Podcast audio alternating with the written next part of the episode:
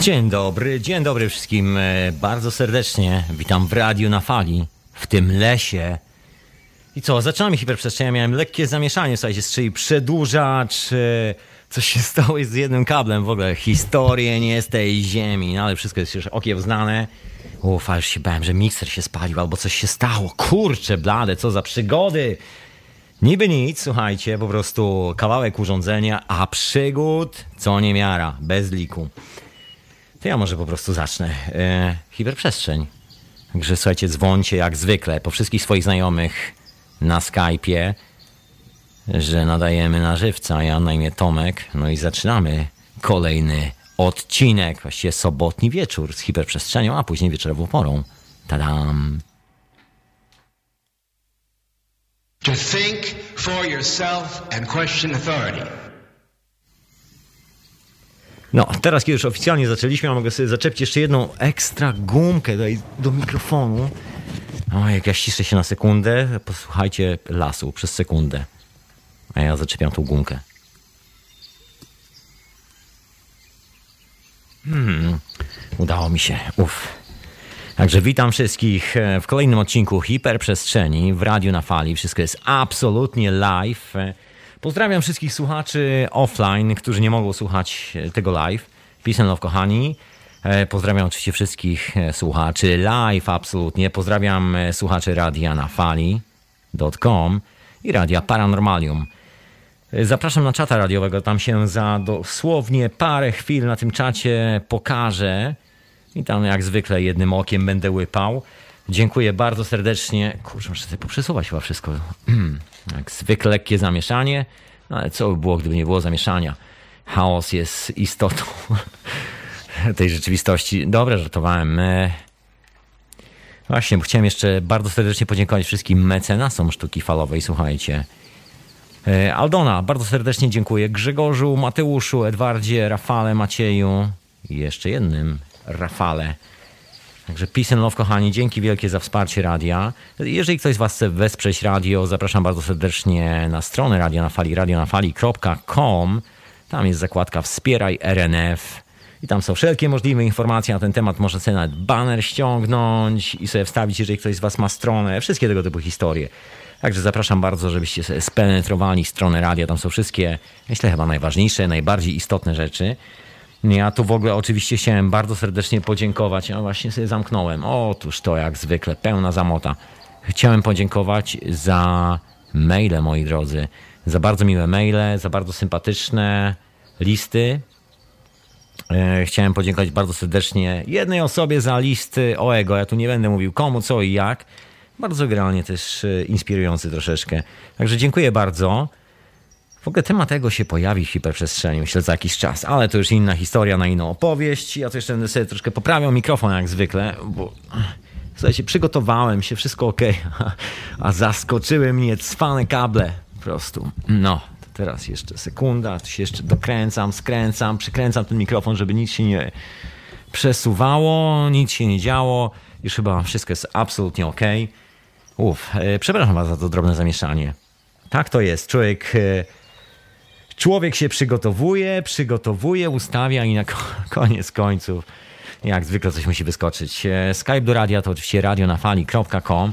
Ja chciałem pozdrowić wszystkich słuchaczy Radia na Fali, którzy są aktualnie na konwencie w Trójmieście, na konwencie wiedzy alternatywnej. Chciałem bardzo serdecznie pozdrawiam. Pozdrawiam, kochani. Pozdrawiam Tomka.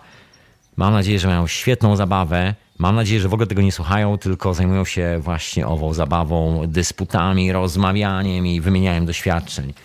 Także jeżeli jesteście w Gdańsku, jeżeli ktoś z Was jest w Trójmieście, to jeszcze jutro, ostatni dzień, powinniście się wybrać, tak sobie myślę. Oczywiście nie namawiam, nie zmuszam, ale jeżeli lubicie takie spotkania z takimi ludźmi, interesujące tematy i poszerzanie troszkę percepcji, patrzenia na świat, to bardzo serdecznie zapraszam. Jutro ostatni dzień, także można jeszcze się tam e, pojawić. To tyle z e, ogłoszeń. na dzisiejszy wieczór. E, dzisiejszy wieczór, słuchajcie, dzisiejsza hiperprzestrzeń jest poświęcona absolutnie roślinom. No dzisiaj był piękny dzień. Ja miałem jak zwykle troszkę spraw do zrobienia, jak to w życiu. No, jedną z tych spraw było zatroszczenie się troszkę o moje rośliny, które mi tu rosną i uminają moje życie, moich zielonych przyjaciół w paru doniczkach. Niektórzy z nich już wyrośli bardzo wysoko, bardzo dużo takie palmy, które stoją i robią za moją lokalną wersję dżungli. Tak bym to nazwał. Więc wziąłem dzisiaj te wszystkie palmy i zrobiłem im deszcz, no bo tak sobie stoją w pokoju, kurz na nie opada, ciężko to się wyciera, przecież roślin się nie wyciera, to w ogóle bez sensu. Także przenosiłem te rośliny do wanny, spryskiwałem y, wodą, symulując deszcz. Generalnie dbałem po prostu o roślinki dzisiaj. I tak, się zastanawia, I tak się zastanawiałem e, nad tymi roślinkami, jak troszkę mówiłem o tych roślinek, a że temat od jakiegoś czasu już się gdzieś tam pałęta. No bo wiadomo, grzyby, wszystkie inne substancje, te dziwne sprawy związane z roślinami. Także dzisiaj wieczór poświęcony roślinom. No jedną z takich e, głównych inspiracji to moje rośliny, które dzisiaj ogarnąłem. Mam nadzieję, że czują się doskonale, właśnie na nie patrzę. Wyglądają na zadowolone, tak sobie myślę.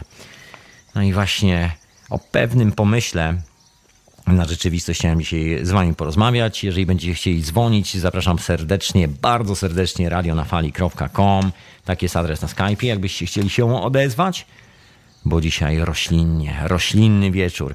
No i oprócz roślin, moi drodzy, jeszcze jedna sprawa mnie, że tak powiem, dogoniła, przygoniła, zagoniła w te strony, żeby troszeczkę się dzisiaj nad tym zastanowić, a mianowicie odświeżyłem sobie chyba po 10 latach, bo dawno tego nie przeglądałem, nie słuchałem, kilka z prelekcji Terensa McKenna, no może nie kilka, przesadziłem, aż tyle czasu nie miałem, ale jakieś takie dwie, trzy prelekcje sobie odświeżyłem i tam pojawia się bardzo fajna refleksja, o której Terence mówił, a mówił to roślinna telewizja, vegetable TV. Jak się zastanowiłem nad tym tematem, nad tematem roślin, nad tematem wielu spraw dookoła, no i postanowiłem, że dzisiaj najwyższy czas, żeby to wszystko z siebie wyrzucić. To może zacznę tą całą historię od początku, tak przyglądając się swoim roślinom i też przyglądając się swoim doświadczeniom z roślinami różnymi. Nie mówię tylko o substancjach psychoaktywnych, o których też dzisiaj wspomnę troszeczkę. Niewiele, bo niewiele, ale też się pojawią. Ale tak zastanawiając się nad roślinami, w ogóle swoimi relacjami z roślinami, doszedłem do takiego bardzo szybkiego wniosku, który chyba nie wymaga zbyt e, skondensowanego myślenia. Takiego wniosku, że co było z nami na świecie, gdyby nie rośliny. No i tak sobie wklepałem te rośliny w Wikipedię, no i sobie przeczytałem, że są to organizmy wykorzystujące energię promieniowania słonecznego za pomocą barwników asymilacyjnych, mają one charakter wtórny, bla, bla. Rośliny zbudowane są z komórek, tworzą, tworzących u roślin wyżej u, zorganizowanych, tworzą tkanki, generalnie organy, fotosynteza, wszystkie te historie. Nawet nie będę was tu próbował zanudzać tymi wszystkimi definicjami naukowymi. Od definicji naukowej jest Wikipedia. No ale z tymi roślinami, jak sobie przeczytałem właśnie te definicje, a mam troszkę inne refleksje. Wydaje mi się, że rośliny no, są czymś więcej niż nam się wydaje. Absolutnie. No, bez nich byśmy zginęli. Patrząc się w swój dzisiejszy obiad, swoje dzisiejsze śniadanie, no, ciężko, ciężko uciec przed taką refleksją, że bez roślin nas tu po prostu nie ma. Gdzie byśmy mieszkali? No teraz mamy beton, ale wcześniej, no i zresztą nie wszyscy mieszkają w betonie. Dookoła mamy właściwie cały gigantyczny świat roślin. Wszystkie istoty, które żyją, biegają na dwóch, trzech, czterech, ośmiu nogach dowolnej ilości konfiguracji, właściwie pożywiają się tymi roślinami na tej planecie i funkcjonują, egzystują tylko i wyłącznie dlatego, że owe rośliny dostarczają tych wszystkich fantastycznych substancji, są w ogóle dookoła nas, dają schronienie, dają możliwość zrobienia z nich, etc., etc. To można wymieniać w nieskończoność. No a tak zwyczajnie, moi drodzy, rozejdźmy się chociażby na nasz dzisiejszy obiad. Co myśmy jedli na obiad? No ja to zdecydowanie rośliny. I co by było, gdyby nie było tych roślin? Nie wiem, co jadł. No, ciężko jeść stal, ciężko jeść kamienie, ciężko jeść piasek, a roślinki idealne. No i tak sobie myślałem o tych roślinach, myślałem i przypomniałem sobie, że przecież w dzisiejszych czasach no, rośliny nie mają czegoś takiego jak e, swojego może należytego miejsca? Tak mi się trochę wydaje. Żyjemy w czasach, które są zdefiniowane przez coś takiego, co się nazywa jak hierarchia potrzeb, piramida Masłowa, Abrahama Masłowa, tak to się poprawnie wymawia. Właściwie to jest model Abrahama Masłowa. No i to jest taka piramida ludzkich potrzeb, że na samej górze tej piramidy jest potrzeba samorealizacji, potem szacunku, potrzeby miłości, bla, bla, bezpieczeństwa, wszystkie te historie. No a jeszcze kolejnym elementem tej piramidy Masłowa jest taki podział e, z roślin, no nie wiem jak to nazwać, właściwie. Chyba wszystkich istot żywych, które funkcjonują na tej planecie, z takim uszczególnieniem, że na samej górze piramidy jest człowiek, poniżej są zwierzęta, poniżej są robaki, poniżej jest coś tam, a na samym końcu, gdzieś na szarym dole razem z planktonem są rośliny. I według naszej takiej ogólnej definicji roślin, właściwie chyba takiego wzorca kulturowego, który jest dookoła nas, wydaje nam się, no chociaż akurat nie mi, i myślę, że chyba też nie wam, no ale wprasowuje się w nas taki obrazek, że rośliny są tępe, głupie, nie mają uczuć, że są czymś, e, że są właściwie przedmiotem. Nie mają żadnej osobowości, nic z tych rzeczy. Ja osobiście mam zupełnie inne doświadczenie. Ja lubię sobie do roślinki czasami jednej, drugiej, trzeciej pomówić, coś jej opowiedzieć. Tak jak dzisiaj kąpałem te rośliny, to troszkę z nimi porozmawiałem. Tak miło, absolutnie miło. Przepraszam, ja też jak zwykle oddalam i przybliżam tego mikrofonu. Mam ze sobą troszkę garść notatek. No i właśnie e, pomysł na dzisiaj, na, to, na te całe rozważania, jest taki, żebyśmy odwrócili w ogóle tą piramidę. Bo może się okazać, że świat wygląda absolutnie inaczej i że rzeczy, które wydają nam się dzisiaj najmniej istotne, tudzież zawierające najmniejszą ilość inteligencji, informacji, czegokolwiek, tych najważniejszych elementów do życia na tej planecie, może znajdują się zupełnie gdzie indziej niż e, nam się wydaje. No, oryginalny pomysł jest, że to jest na samym dole, a ja dzisiaj chętnie odwrócę to wszystko do góry nogami, całą tą historię, no bo czymże jest naprawdę ten cały świat zwierząt bez roślin? Czym my jesteśmy bez roślin? No i tu chyba należy wrócić do takich najstarszych skamielin, wykopalisk, które gdzieś tam się odnajduje na świecie w różnych miejscach – no, o czym chyba wszyscy doskonale wiemy, najstarszymi wykopaliskami są grzyby i paprocie. Pierwsze rośliny na świecie. Zanim cokolwiek się pojawiło, wygląda na to, że pojawiły się rośliny. I to jest taki kor naszego, naszej planety, kor naszej egzystencji, źródło wszystkiego. Co jest z grzybami? Myślę, że chyba wszyscy doskonale wiemy. Z paprociami jeszcze nie do końca sprawdziliśmy. Wyglądają niesamowicie. No generalnie okazuje się tak czy siak, że to wszystko jest od zarania dziejów. Zanim byliśmy my, nie było nas, to był las. Nie będzie nas i też będzie las. I to, co zostanie, to z reguły skamieliny właśnie po roślinkach. Czyli no, jak z tym odwróceniem? Bo jeżeli rośliny są najmniej istotne, to generalnie nie powinny być na samym dole.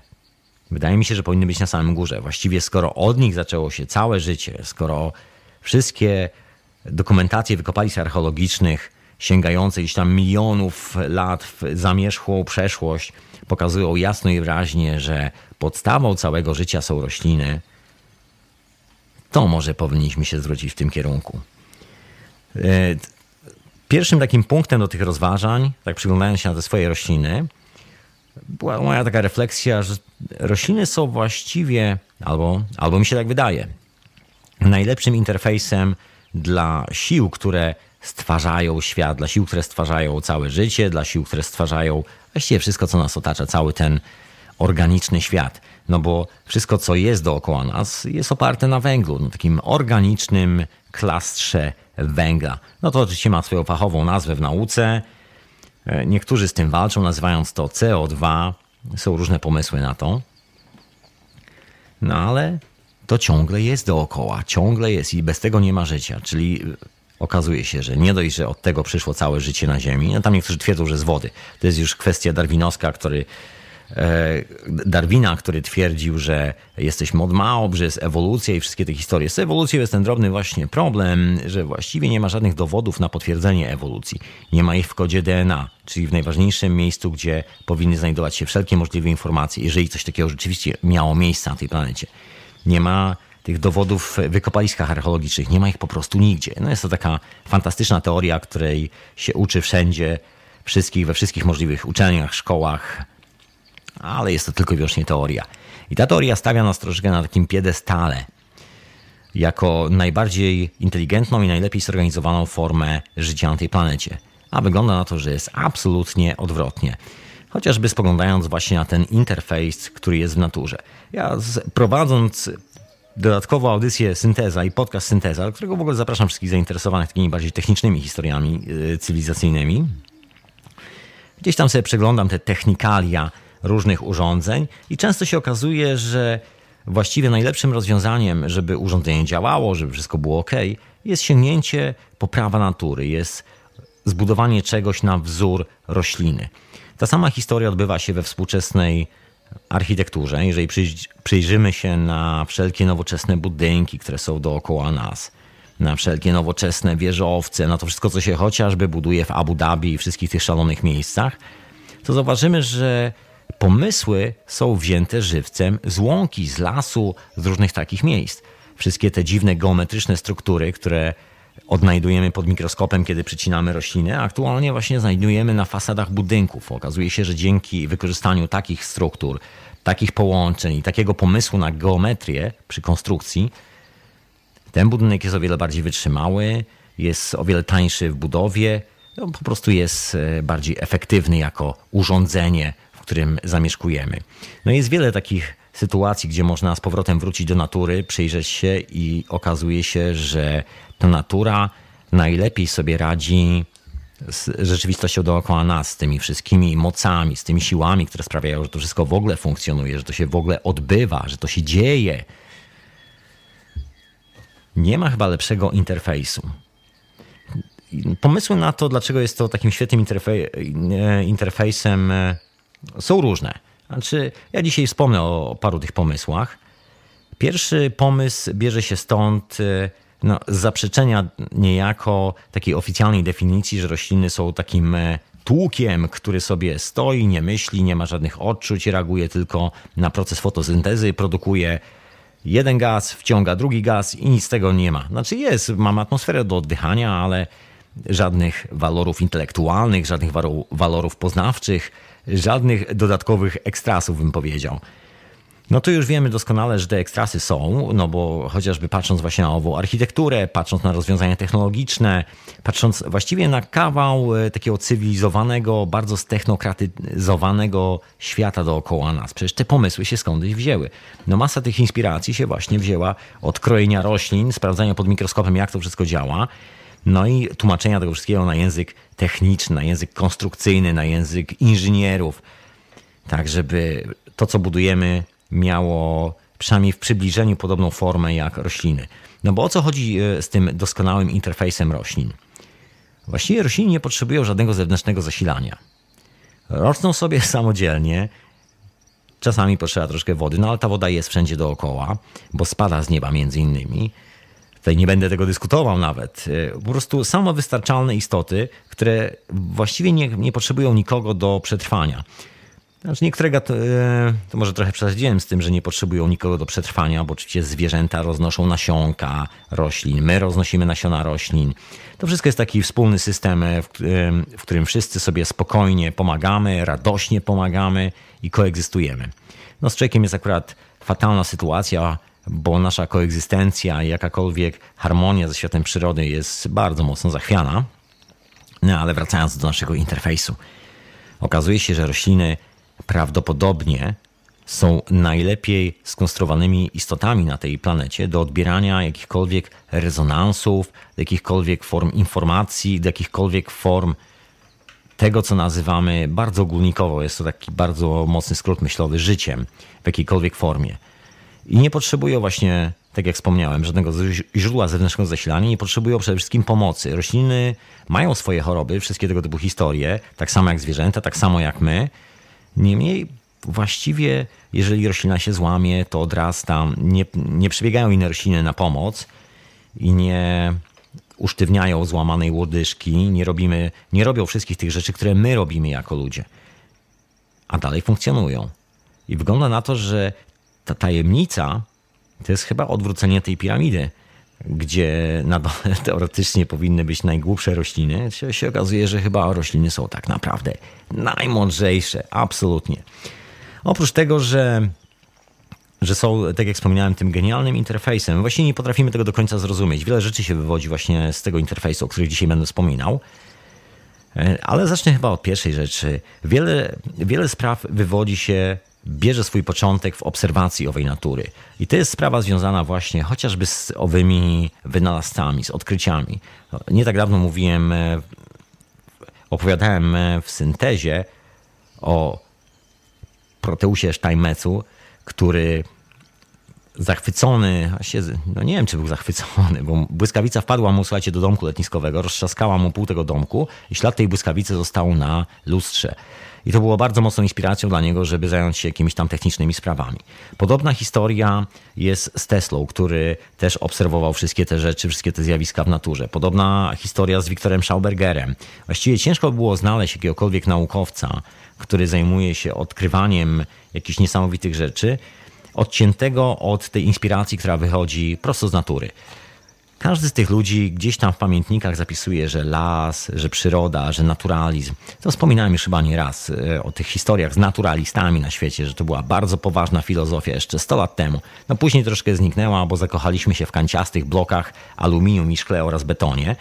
No ale cała ta technologia, której właściwie używamy w tym betonie, szkle i aluminium, pochodzi właśnie od tych naturalistów. Właśnie.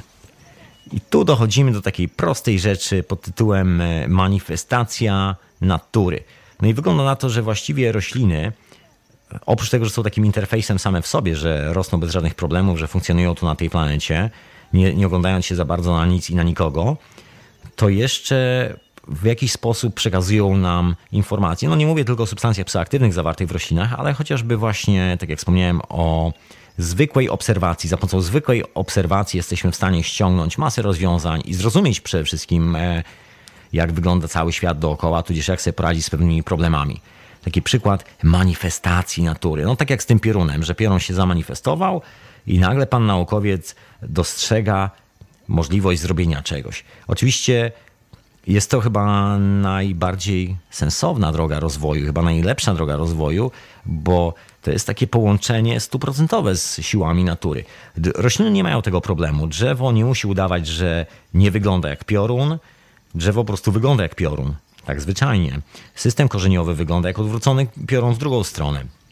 Jeżeli się przyjrzymy na zjawiska atmosferyczne, są takie fantastyczne zdjęcia Ziemi robione przez e, satelity NASA, zdjęcia burz, które się odbywają, to ten piorun, który dolatuje do Ziemi, to jest tylko część tego całego zjawiska. Natomiast następuje potężny rozbłysk w jonosferze i ten rozbłysk wygląda jak system korzeniowy drzewa. Albo w ogóle jakiejkolwiek e, takiej rośliny, która po prostu lubi się rozrosnąć gdzieś tam w ziemi.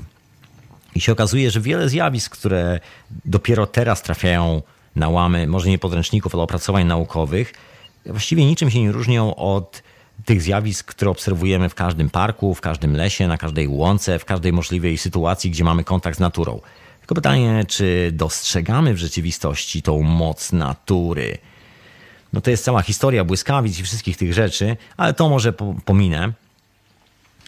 Słuchajcie, z roślinami jest w ogóle bardzo ciekawa historia, bo oprócz, e, bo oprócz tego, że są taką chyba najczystszą reprezentacją tych wszystkich sił w naturze, jako jedyne się nie łamią pod wpływem huraganów. Znaczy łamią się niektóre drzewa, ale natura jako taka jest na przykład w stanie przetrwać każdą katastrofę i odrodzić się z powrotem. No nasza cywilizacja już nie za bardzo. No to świadczy bardzo dobitnie o tym, że nasz interfejs z tym e, światem dookoła, z tą całą rzeczywistością jest taki dosyć nieudany, bo jak zabraknie jednego czynnika, nagle wszyscy znikamy z tej planety, robi się powódź, potop albo cokolwiek innego i nas już po prostu nie ma. Natomiast z roślinami jest tak, że rośliny sobie znikną na parę chwil i z powrotem wracają w glorii i chwale.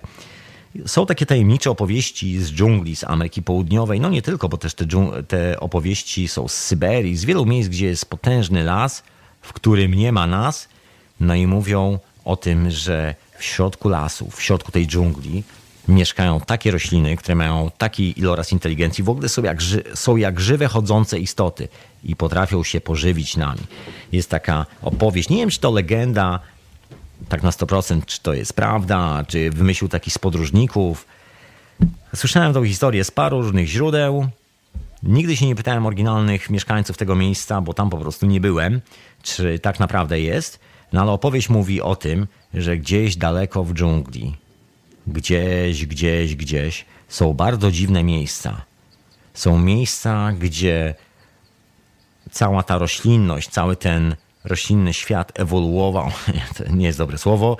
Jak wcześniej wspomniałem o Darwinie, ale stało się coś takiego, że tam mieszkają rośliny, które mają o wiele większe moce niż komukolwiek się wydaje. I te rośliny są w stanie pożreć człowieka. I tam się nie chodzi do takiego lasu, bo te rośliny, bo te rośliny traktują już nas jak obiad i nie mamy w zderzeniu z nimi żadnych szans. Jak jest naprawdę? I don't know. Dziwna historia. Dziwna. Inna sprawa, że nie zbadaliśmy wszystkich tych lasów, nie zbadaliśmy całej dżungli na świecie, nie zbadaliśmy wszelkich możliwych miejsc. Są miejsca, gdzie praktycznie człowiek nie ma szansy dotrzeć, co najwyżej z satelity za pomocą zdjęcia, a i tak nic nie widać, bo las jest wysoki na 100 metrów albo czasami nawet więcej i tylko widać samą górę i nie widać, co się dzieje w lesie. A tam w lesie mogą być bardzo dziwne rośliny, bardzo dziwne życie, nie wiadomo co. Może rośliny, które potrafią się o wiele lepiej komunikować niż te, które mamy w doniczkach. Kto to wie? A wysłuchacie hiperprzestrzeni w radiu na fali. Ja na imię Tomek, a dodatkowo jest retransmitowane do Radia Paranormalium. A jestem oprócz tego na czacie. Skype do radia to radionafali.com. A dzisiaj historia o roślinnej telewizji, taki roślinny wieczorek dzisiaj. I o tych wszystkich roślinach. No i właśnie, bo tak już chciałem powiedzieć drzewach, właśnie, no bo chcę zacząć od drzew. te moje palmy, którymi się dzisiaj zajmowałem, troszkę urosły i powoli przypominają drzewa. No może bez przesady, do, do drzew to jeszcze dużo, ale generalnie rosną. Rosną, rosną jak na drożdżach. I także jak się dzisiaj przyjrzałem całej sprawy, stwierdziłem, człowieku, to trzeba do drzew. Drzewo jest takim elementarnym symbolem świata roślin. To może zanim w ogóle opowiem troszkę więcej, to zacznę od legendy, prosto z Japonii. E, w, po, w pobliżu Tobo rosło kiedyś bardzo stare drzewo wiśni. Pewnej nocy pan Matsui ujrzał w tym miejscu piękną kobietę. Natychmiast uświadomił sobie, że ma przed sobą ducha. No, nocne wizyty się powtarzały, aż w końcu zniecierpliwiony pan Matsui spróbował zabić zjawę własnym mieczem. No, w efekcie drzewo uschło. E, duch drzewa wziął jednak odwet na niszczycielu, wstąpił w portret pięknej kobiety, no, którą e, nasz główny bohater powiesił sobie w swoim pokoju, by nocami go komplementować. No i e, ożywił go. O północy twarz na obrazie zaczęła się zmieniać, wykrzywiać, a po policzkach kobiety spływały krople krwi. Ciało opadało i wkrótce na portrecie widniała już tylko czaszka. Następnego ranka obraz wyglądał jak zawsze, lecz pan Matsui był wrakiem człowieka. Po trzech kolejnych nocach popełnił samobójstwo. Przeklęty obraz jak stara pamiątka rodzinna. Wart był fortunę, jednak nie został nigdy sprzedany, gdyż żaden kupiec nie śmiał się go dotknąć. Mam troszkę więcej legend na dzisiaj z Dalekiego Wschodu na temat właśnie drzew, na temat roślinności. A dlaczego drzew? Słuchajcie, no bo drzewo jest e, chyba od zawsze symbolem życia.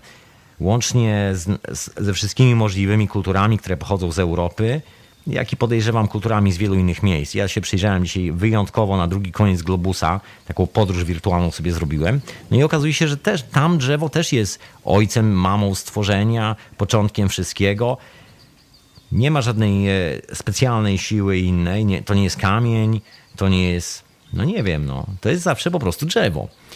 Pierwsza religia świata, na to wygląda. Symbol życia. To drzewo jest portretowane praktycznie wszędzie, gdzie się da poczynając od e, owych germańskich mitów celtyckich, drzewowiedzy w, kab- w kabale, nawet tam to występuje.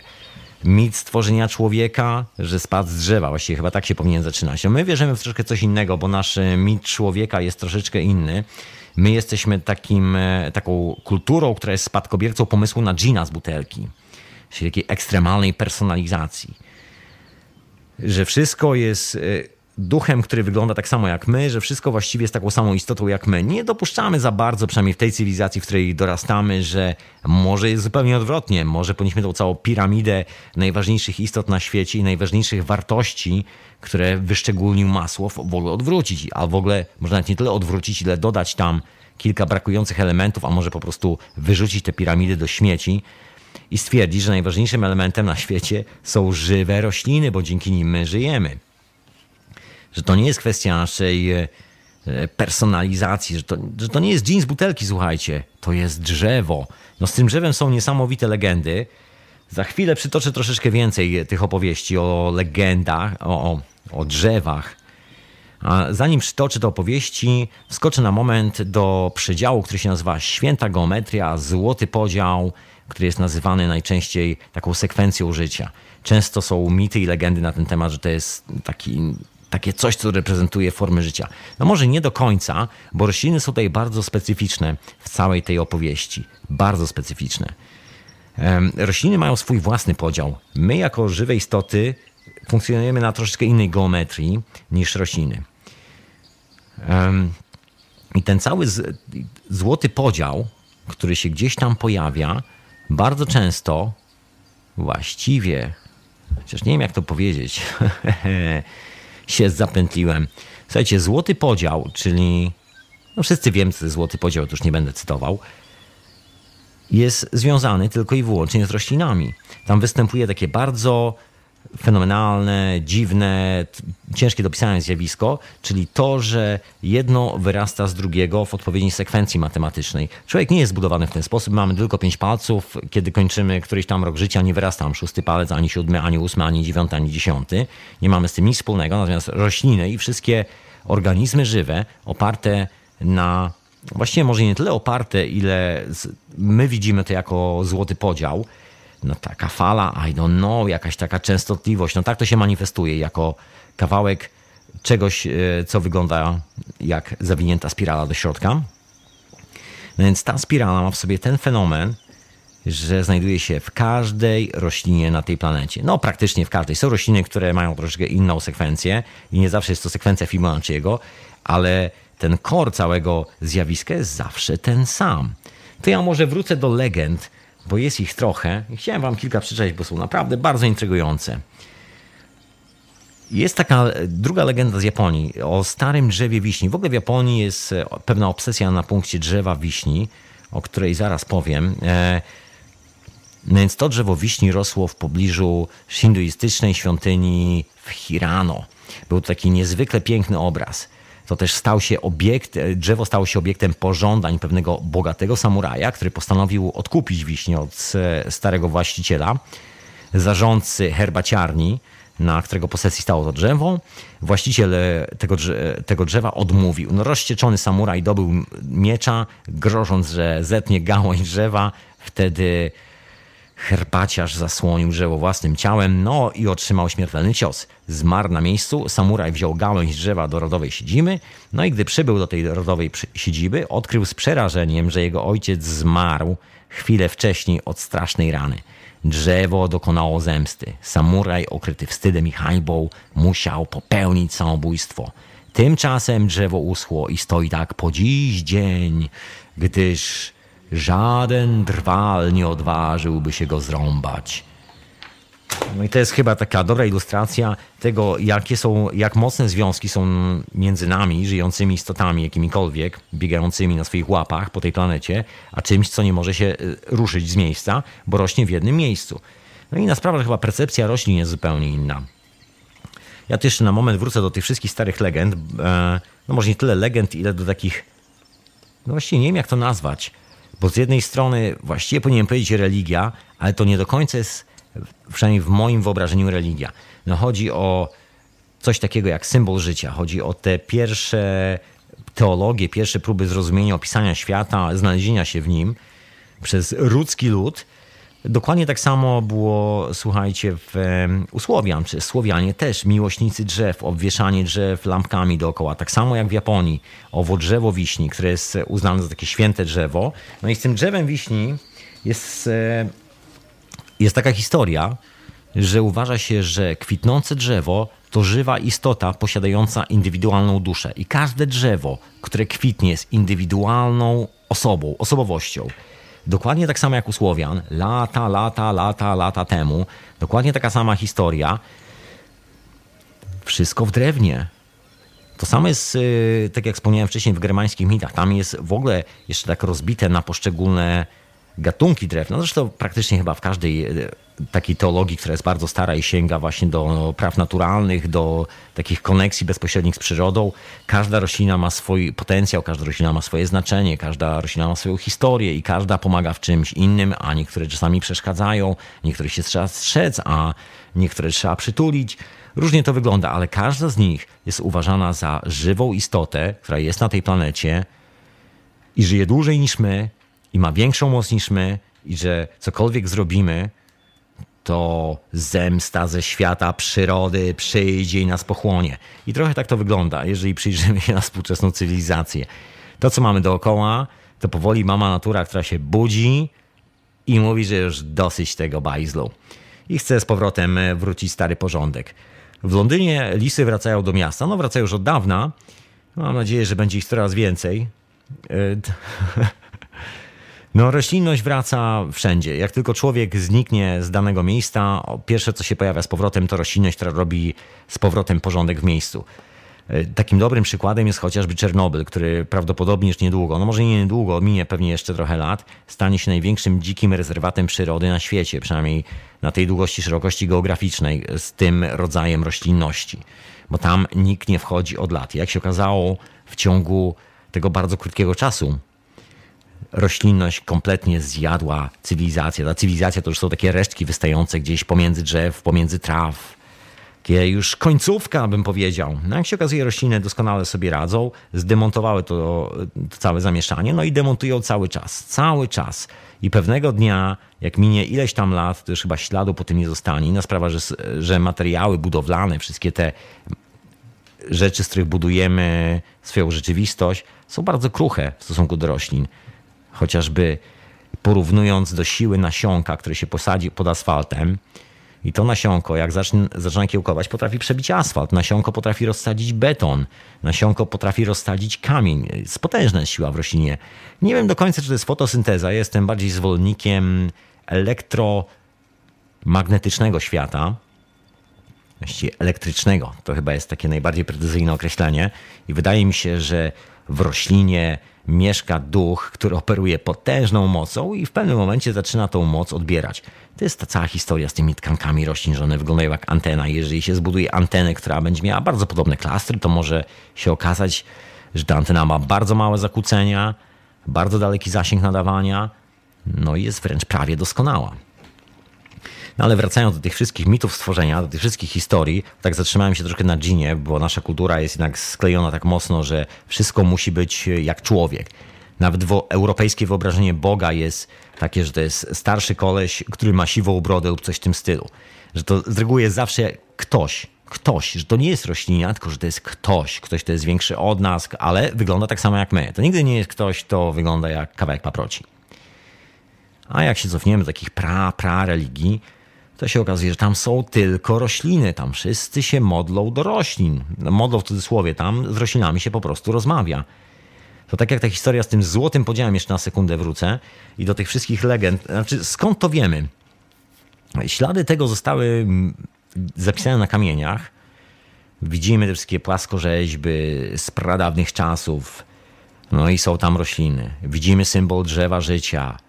Widzimy go praktycznie wszędzie na świecie tych najstarszych wykopaliskach archeologicznych. Oprócz tego, że widzimy zwierzątka, to zawsze widzimy rośliny. No i co, co przetrwało do naszych czasów? Przetrwał bardzo taki tajemniczy dokument. Ja zawsze podejrzewam, znaczy może nie zawsze, od jakiegoś czasu podejrzewam, że jest to dokument, który jest napisany troszkę inną wersją Głagolicy i jest to historia związana z tak zwaną Słowiań, historią słowiańszczyzny. Nazywa się Wojnysz Manuskrypt najbardziej tajemniczy manuskrypt aktualnie na świecie i to chyba od prawie 100 lat. Nikt nie jest w stanie rozszyfrować, o czym ten manuskrypt, manuskrypt rozprawia. Jest napisany bez żadnego błędu, był sprawdzany, datowany. Wiadomo, że napisano go jakieś 600 lat temu, gdzieś w tej okolicy. Wiadomo, że napisano go na doskonale wyprawionej skórze. Zrobiono to wszystko za jednym strzałem, bez żadnego błędu. Jest masa tajemnic dookoła tego dokumentu. Nie wiadomo skąd się wziął, nie znamy autora. Nikomu nie udało się odszyfrować, o co chodzi w tym manuskrypcie, a oprócz tekstu, którego się nie udało rozszyfrować, są tam rysunki. I wszystkie te rysunki są orna ornamentami roślinnymi, przedstawiają w ogóle bardzo dziwne rośliny. Udało się, zdaje się, e, skatalogować, znaczy, znaleźć jedną roślinę, która gdzieś mieszka w Ameryce Południowej, która jest bardzo podobna do tego, co jest narysowane w manuskrypcie, i chyba drugą, która się znajduje w Europie. Poza tym reszta roślin jest kompletnie nierozpoznawalna i nie jesteśmy w stanie tego zidentyfikować. Absolutnie, taka tajemnica. Najbardziej tajemniczy manuskrypt na świecie zawiera praktycznie na swoich arkuszach rysunki roślin. Tajemniczych roślin. Nie wiemy, co to oznacza. Może to jest zaginiona księga Słowian, nie mam pojęcia, trochę tak wygląda. Fajnie było, jakby tak było, ale jak jest, nie mam dla tego pojęcia. A ja mam dla Was kolejną legendę, kolejną opowieść o drzewach, bo tak troszkę dzisiaj drzewnie się zrobiło. Jest o roślina głównie, ale drzewo jest takim chyba najbardziej prestiżowym, najbardziej wymownym i spektakularnym symbolem świata roślinnego. Daje nam schronienie, daje nam opał, daje nam owoce, daje nam cień, kiedy jest gorący dzień. Drzewo to przyjaciel człowieka, moi drodzy. Słuchajcie, Dajkow jest e, z jednej z takich szalonych wysp gdzieś tam na Pacyfiku. Mają, e, mają takie duchy, które nazywają o oh man, zapomniałem jak to się nazywa, ale mniejsza o to, słuchajcie, mniejsza o takie nazwy. Generalnie mają duchy drzew. Y, podobno wyglądają one jak wysocy, przystojni ludzie płci męskiej lub żeńskiej, którzy niekiedy dobierają sobie partnerów wśród wędrowców zabłąkanych w lesie. No, takie drzewo może wywołać choroby i odbierać ludziom rozum, ale również obdarzać bogactwem i powodzeniem. Te drzewa, które są um, zamieszkiwane przez te duchy, mają taki status, że nie można ich absolutnie dotykać Grozi to bowiem utratą zdrowia. Takie święte drzewa. No w ogóle cały mit tego świętego drzewa przecież znamy chyba wszyscy dobrze. To w ogóle jest ciekawa historia z tym mitem, że nawet nie trzeba go znać, ale ja podejrzewam, że znakomita większość ludzi, przynajmniej ja, instynktownie odczuwa, że drzewo to jest coś. No może tu chodzi o percepcję czasu, czy jakoś tak, bo drzewo sobie rośnie tyle lat, a my, w, tak porównując do życia drzewa, jesteśmy tylko mgnieniem na skali czasu takiego drzewa. No ja mam troszkę więcej legend. Mówiłem, że będzie dzisiaj troszkę bajek, trochę legend, także będzie. Także są. W Indonezji, na, na wyspie Nias, mieszkańcy twierdzą, że duchy drzew, zwane Belas, to półbogowie, którzy stąpili z niebios, dzieci bogiń, i że to oni zsyłają wizję na człowieka, którego, wy, którego wybierają na szamana. W ogóle taki wybraniec y, musi uciec do lasu i potem przez pewien czas żyć w tym lesie razem z tymi duchami. No później mieszkańcy wioski wybierają się po niego, znajdują go na drzewie, zabierają z powrotem do wioski i wtedy jest już oficjalnie kapłanem. Mieszkańcy wierzą, że szaman dzięki wsparciu duchów drzew posiada moc leczenia ludzi umysłowo chorych no z tym umysłowym leczeniem, znaczy leczeniem chorób umysłowych, to by się nawet zgadzało. Słuchajcie, taka podstawowa terapia, którą podaje psycholog człowiekowi, który ma dużo problemów w życiu, to jest takie stwierdzenie człowieku, może na spacer do lasu, może troszkę pospacerować w łonie natury, się przejść, zobaczyć trochę zieleniny w okolicy. Generalnie zauważyliśmy wszyscy chyba, że zielone koi, że rośliny koją nerwy, że to jest przyjemne otoczenie. No każdy lubi siedzieć w miłym, zielonym miejscu. No ale wracając do tych wszystkich drzew, e, ja jeszcze na moment wrócę do opowieści z Japonii, bo to jest bardzo ciekawe. W Japonii, słuchajcie, panuje przekonanie, że niektóre drzewa, na przykład wiśnia, orzech, sosna, śliwka, wierzba, są zamieszkiwane przez duchy, które potrafią mówić takim normalnym ludzkim głosem i czasami ukazują się nam gdzieś tam, kiedy sobie wędrujemy pomiędzy tymi drzewami. W ogrodzie pewnego samuraja rosło drzewo wiązowca – to się nazywa enoki. To jest taki wiązowiec japoński, tak to chyba poprawnie się nazywa. E, to drzewo przetrwało tam wiele pokoleń kiedy właściciel postanowił je wyrąbać, jego matce przyśnił się sen, w którym ogromne monstrum się pojawiło, takie potężne przyszło i powiedziało jeśli drzewo umrze, umrze każdy człowiek z tego domostwa. No słysząc to, jej syn e, się tylko roześmiał i nie zważał na sny mamy, Wziął sikierę, poszedł ściął drzewo tego, tego wiązowca i jeszcze tego samego dnia stracił rozum. Jego przeraźliwe krzyki rozregały się wokoło, a krzyczał Drzewo! To drzewo rozdziera mnie na strzępy! Ciekawe legendy. A myślę, mówią bardzo jasno i wyraźnie, że nasze koneksje z naturą są o wiele głębsze, no może niewidoczne, łatwiej nam zobaczyć czasami nasz związek z jakimiś materialnymi przedmiotami, które nas otaczają, chociażby, nie wiem, z laptopem czy sobą albo czymś takim. Czasami mamy problem, żeby dostrzec, że drzewo jest takie ważne. No nie jest to jedyna taka historia. W ogóle fenomen jest ta, tych historii polega na tym, że zawsze drzewo reprezentuje tą najważniejszą moc, tą esencję życia. Jest trochę jak słoń. Właśnie, a propos tej historii, e, to opowiem wam historyjkę z Tajlandii. Dawno temu w Tajlandii panował król Kuna, który upolował w lesie wiele słoni. Ale za to, że obraził życie i przyrodę, spotkała go surowa śmierć.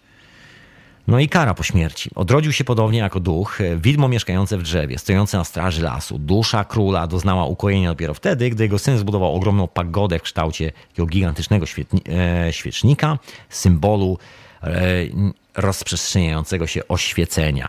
To trochę jak w Polsce z tymi historiami, że stoi wierzba na rozdrożu i o północy. No, znacie takie legendy? Jest ich masę. Tylko, że w Polsce, tak jak w każdym chyba chrześcijanizowanym kraju, często przyznawano takie stygmaty tym drzewom, i że tam mieszkają diabły, że tam mieszkają złe duchy, tak żeby ludzie się bali tego, żeby nie kładli kwiatków przy drzewach, żeby tam nikt świeczek nie palił. Chociaż to właściwie dołożono krzyżyk i ludzie dalej przy tych drzewach palą świeczki, kładą kwiaty. No teraz wydaje mi się, że kładą do krzyżyka, ale tam i tak dalej stoi drzewo i drzewo jest o wiele większe.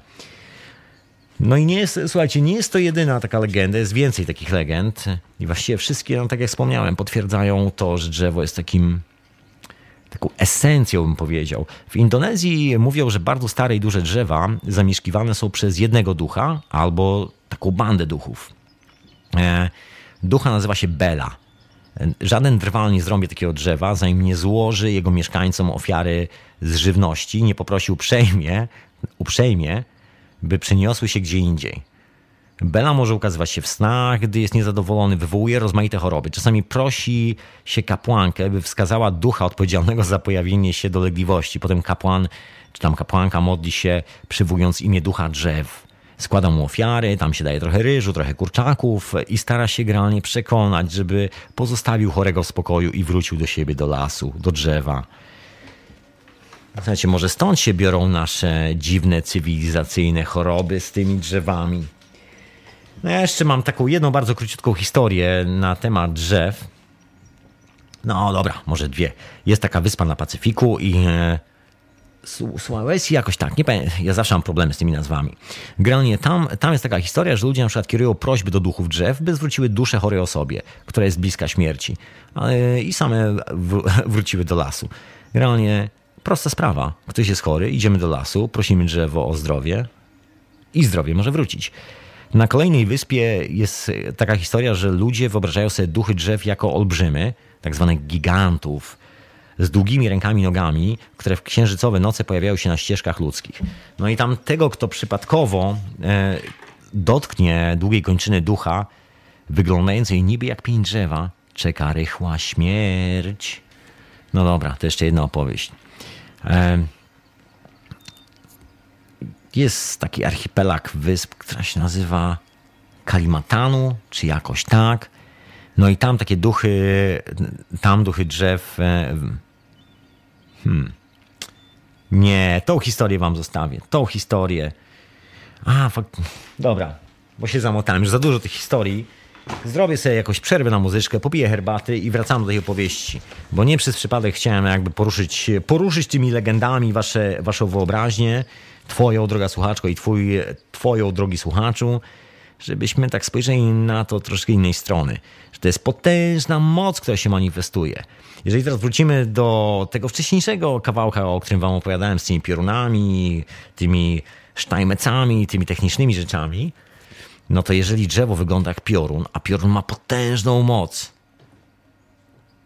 to jaką moc może mieć drzewo? A? A wysłuchacie radia na fali, retransmitowanego w radiu Paranormalium. Audycja nazywa się Hiperprzestrzeń, a ja na imię Tomek.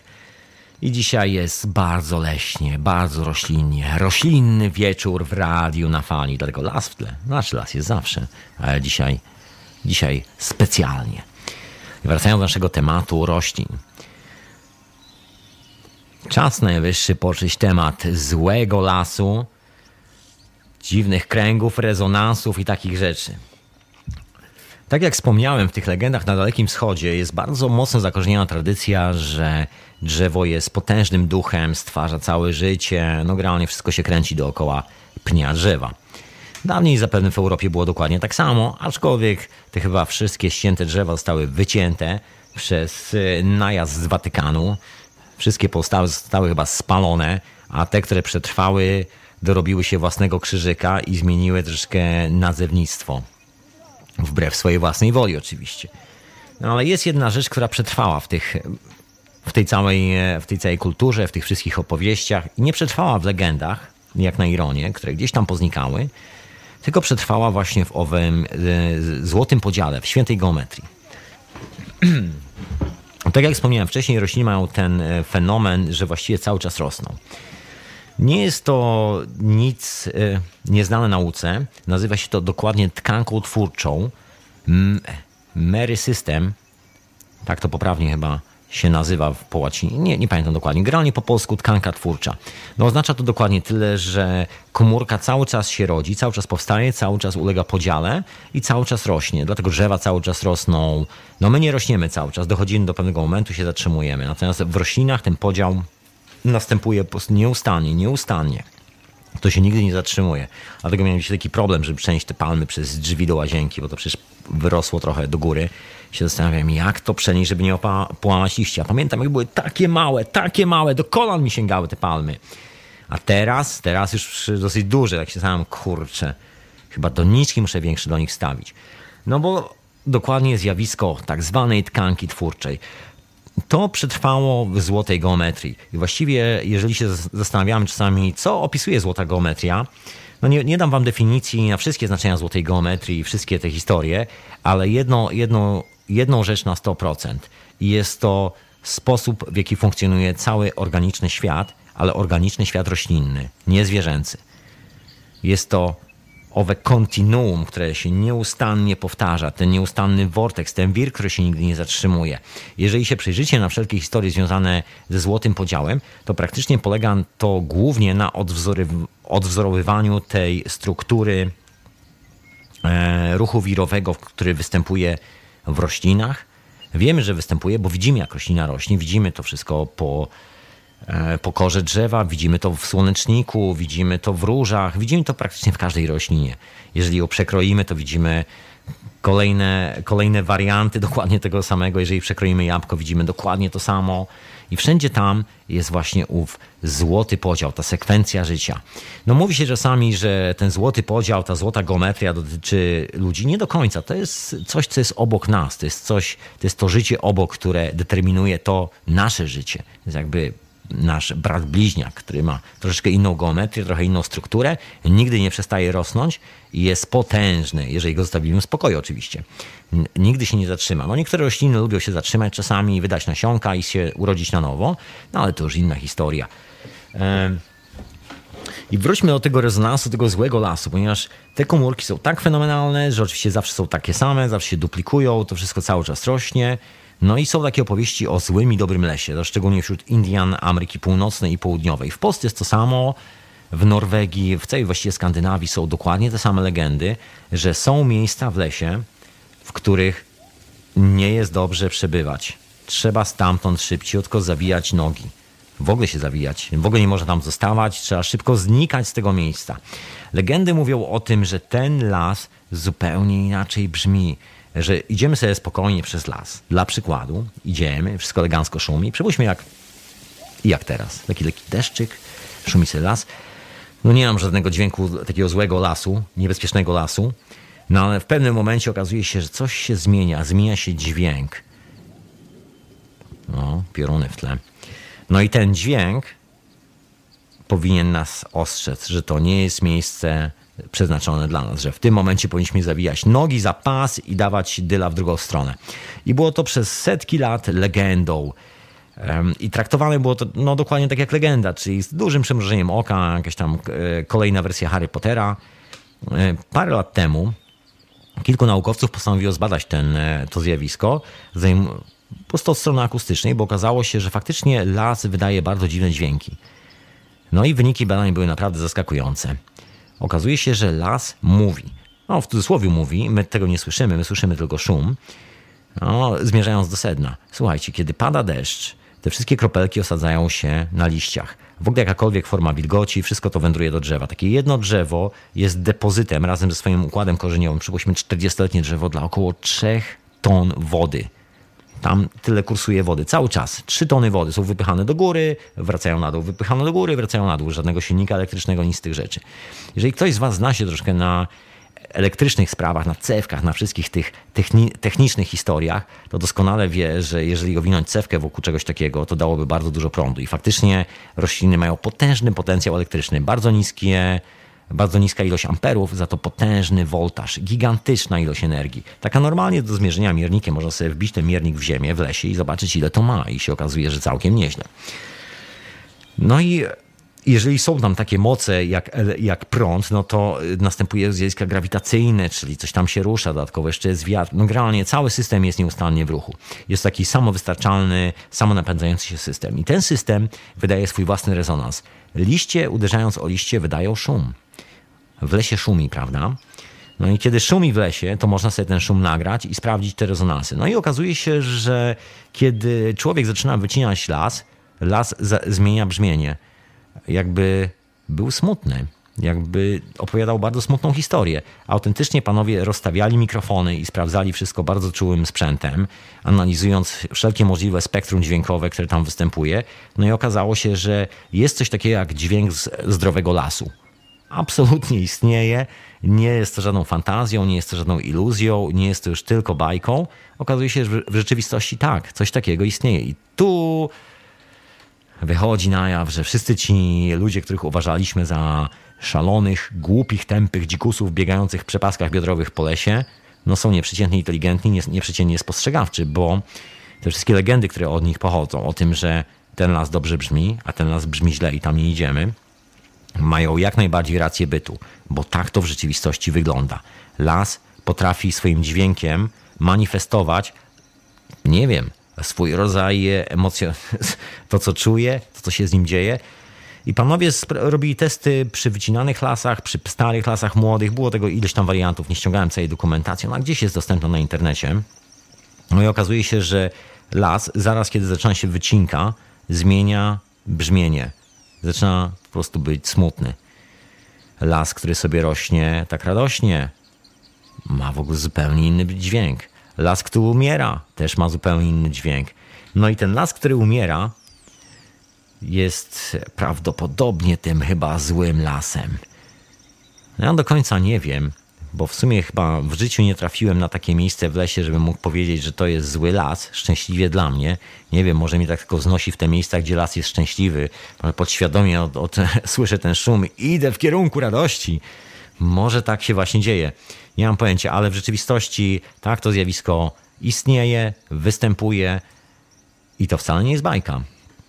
Czyli jest ten rezonans. No słuchajcie, nie, jest to, nie przez przypadek e, okazuje się, co zresztą zbadali lekarze na świecie, jest też kilka badań na ten temat, też na internecie do znalezienia. Też mo możecie sobie sami sprawdzić. Wystarczy wziąć ze sobą sprzęt do mierzenia ciśnienia, no i kilka czasami innych drobiazgów i wybrać się do lasu. Kiedy jesteście na przykład zestresowani w mieście albo jakimś po prostu w domu, wybierzcie się i przejdźcie się po lesie. Nagle okazuje się, że bicie serca w lesie się, ma tendencję do stabilizowania się, że w ogóle przytulenie się do drzewa powoduje, że lepiej się czujemy. Na pewno nie jedna, nie, nie jedna z Was, drogich słuchaczek i Was, drogich słuchaczy, przytulała się do drzewa. Ja też lubię się przytulić do drzewa, lubię pogłaskać drzewo, lubię coś powiedzieć do drzewa. To chyba każdy ma tak. W środku jest woda, te komórki jak anteny. No i okazuje się, że właściwie to, z czym mamy do czynienia, to nie jest tylko i wyłącznie zjawisko akustyczne, bo jeżeli spojrzymy na źródła tego zjawiska, no to musimy wrócić właśnie do, do takich, to może nie technicznych rzeczy, ale do tego, że coś tam się dzieje, jest jakaś moc. I że te komórki zachowują się jak antena, no bo muszą coś wyłapywać, żeby ta energia w drzewie była, żeby mogło sobie rosnąć, no to musi być skądś zgarniana. No, ja jestem zwolennikiem oczywiście teorii eteru i śmiem twierdzić, że to drzewo, o którym mówimy, jest taką doskonałą anteną na te pozytywne moce eteru i że po prostu odbiera ten rezonans. Niektórzy nazywają to rezonansami Schumana, częstotliwościami Schumana. No po prostu rezonans Ziemi, który jest taką nieustannie pulsującą falą i ta fala jest niczym e, jedzenie dla drzewa, można powiedzieć. Oczywiście poza składnikami mineralnymi, które występują w glebie, poza całym ekosystemem, poza tymi fizycznymi rzeczami, no to występuje właśnie to dodatkowe zjawisko, które jest e, takie trudne do zmierzenia, ale jeżeli się właśnie przyglądamy na te komórki pod mikroskopem i później odtwarzamy je w postaci nie, małych mikroprocesorów, to okazuje się, że faktycznie tak to działa, że coś w tym jest, że te kształty mają w sobie to coś, co pozwala propagować energię w taki naturalny sposób. Nie ma żadnych zakłóceń, nie ma żadnych deformacji i roślina nieustannie rośnie. Niewiele jest takich zwierząt na świecie, które by mogły doścignąć rośliny w ich inteligencji, jedne z tych nielicznych zwierząt to węże i jaszczurki, bo tylko one, zdaje się z tego co wiem, posiadają możliwość regeneracji każdego, właściwie każdego elementu swojego ciała, wytwarzając spontanicznie komórki macierzyste. No właśnie to, co nazywamy tkanką twórczą w roślinach, jest dokładnie odpowiednikiem komórek macierzystych dla człowieka. Tylko, że w naszym przypadku te komórki macierzyste wytwarzają się tylko w momencie, kiedy przychodzimy na świat i to wszystko. No chyba, że poddamy się jakiejś intensywnej wibracji w jakimś specjalnym polu i być może uda nam się wzbudzić te komórki macierzyste i będą od, odrastały ręce i nogi i będziemy nieustannie rośli. Kto to wie? Kto to wie? No ale tak czy siak, co by nie mówić, wygląda na to, że rośliny są świetną anteną. I jest na to kilka takich bardzo, bardzo konkretnych, e, nie wiem, potwierdzających tą, e, tą koncepcję badań. Jest taki gentleman, który się nazywa Eric Dallard, konstruuje takie bardzo dziwne urządzenia w stylu Tesli, dziwne anteny do fali skalarnej. Przez lata konstruował te wszystkie anteny od początku do końca z drutu, z kabli, zwijał różne kształty. Po latach zaczął je podłączać do drzew. No i okazało się, że system korzeniowy drzewa, e, takiego Joshua Tree na pustyni w Stanach Zjednoczonych, gdzieś tam na bardzo słonecznej, na jakimś takim odludnym, słonecznym miejscu, gdzie rośnie tylko parę drzew, jest idealną anteną i no, odczyty ściągane z tego drzewa są tak doskonałe, Właśnie, a dlaczego są doskonałe? Ponieważ nie ma żadnych zakłóceń. Wszystko, co my budujemy, korzystając z materiałów, które są dostępne dla nas, wytwarza jakieś tam zakłócenia w tym polu. I to, co mierzymy, to musimy później sprawdzić, co jest rzeczywistym sygnałem, który do nas dotarł, a co jest zakłóceniem. A podłączając się pod systemy korzeniowe niektórych roślin, w zależności od tego, jak duże są, okazuje się, że dostajemy sygnał absolutnie bez żadnych zakłóceń. Była taka próba zrobienia anteny, która e, jest odlana z metalu w taki sposób, że przypomina układ korzeniowy drzewa. No, no, i po tej próbie okazało się, że antena bardzo dobrze działa. No oczywiście jest to taka bardzo żmudna sztuczka, żeby to e, w ogóle zbudować taką antenę, żeby otworzyć, bo właściwie my nie wiemy na jakiej zasadzie to działa. My znamy tylko część tej historii, widzimy tylko zewnętrzny kształt, wiem, że komórka ma taki kształt w środku, no i teraz jest problem, jak to otworzyć. Czy przypadkiem to nie jest tylko to, że nasza percepcja się zatrzymuje tylko i wyłącznie na wizualnym kształcie po prostu korzeni i na tym, że wiemy, jak wygląda komórka. Może tam jest coś więcej, coś, co nam umyka. Tego nie wiemy. Najlepszą opcją jest podłączyć się po prostu do drzewa. I może stąd się właśnie bierze to, że kiedy się przytulamy do drzewa, kiedy mamy rośliny dookoła nas, czujemy się doskonale. I tu jest kolejna ciekawa historia związana z kątem 90 stopni. Na pewno wszyscy kojarzycie piramidy, wszystkie te tajemnicze rzeczy po naszych tajemniczych przodkach, o których nic nie wiemy. Piramidy, czyli trójkąt, czyli wartości kątowe. To, o czym zdaje się nawet, e, no nie zdaje się, o tym była mowa w syntezie z Janem Taratajcio. Dokładnie wyjaśnia o co chodzi z tymi wartościami kątowymi fali i odbijanie się fali tymi wszystkimi historiami. E, może jest tak, że to, że to wszystko, co się odbywa, jest tylko i wyłącznie taką próbą odebrania tego sygnału z zewnątrz. I że pewne kształty doskonale to, doskonale to propagują. I że starożytni to absolutnie wiedzieli. Mieli o tym, mieli o tym nawet bardziej niż chyba świetne pojęcie, bo skoro budowali takie budynki i one stoją, no nie wiem, co robiły, bo to wszystko jest oczywiście zagadką, tajemnicą. My nie do końca sobie zdajemy sprawę z tego, co się tam działo, do czego one służą i wszystkie te historie.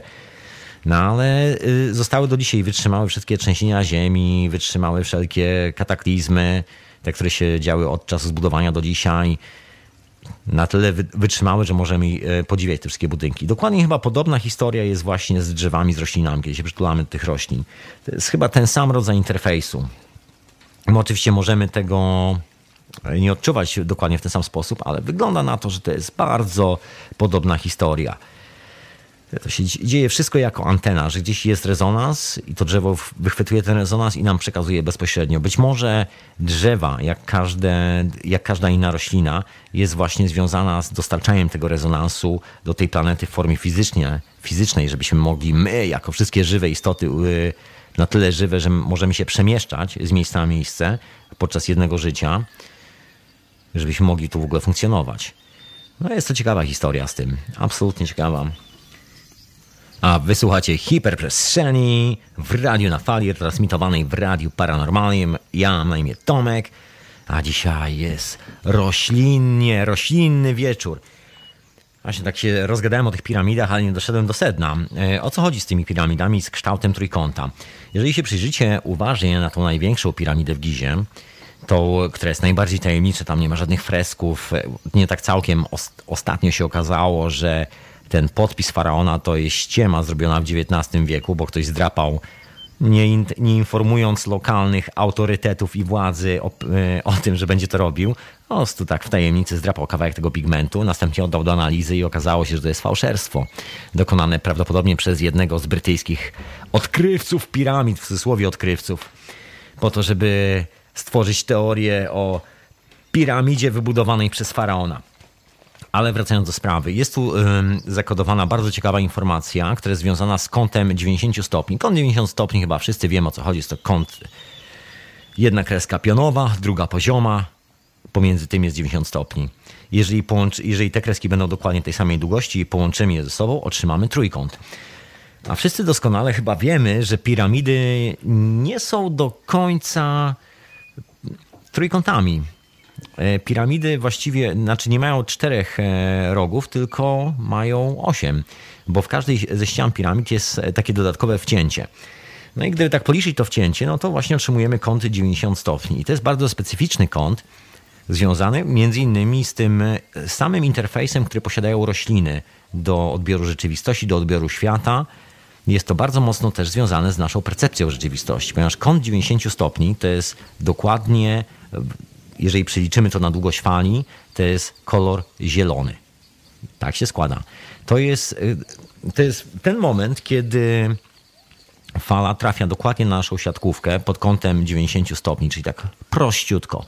Jeżeli patrzymy na coś, na ścianę na przykład, i nie jest zielona, to znaczy, że to znaczy, że jest jakieś odchylenie od tego kąta, że światło się odbija w jakiejś innej częstotliwości. No i dlatego otrzymujemy inne kolory. Jeżeli się przyjrzymy każdej strukturze pod mikroskopem, to zauważymy, że ona jest e, z reguły nierówna. I te nierówności kształtują ten kąt odbicia fali świetnej. I ten kąt definiuje kolor, jaki widzimy. Rośliny są tak skonstruowane, że jakbyśmy nie spojrzeli, to praktycznie zawsze są zielone.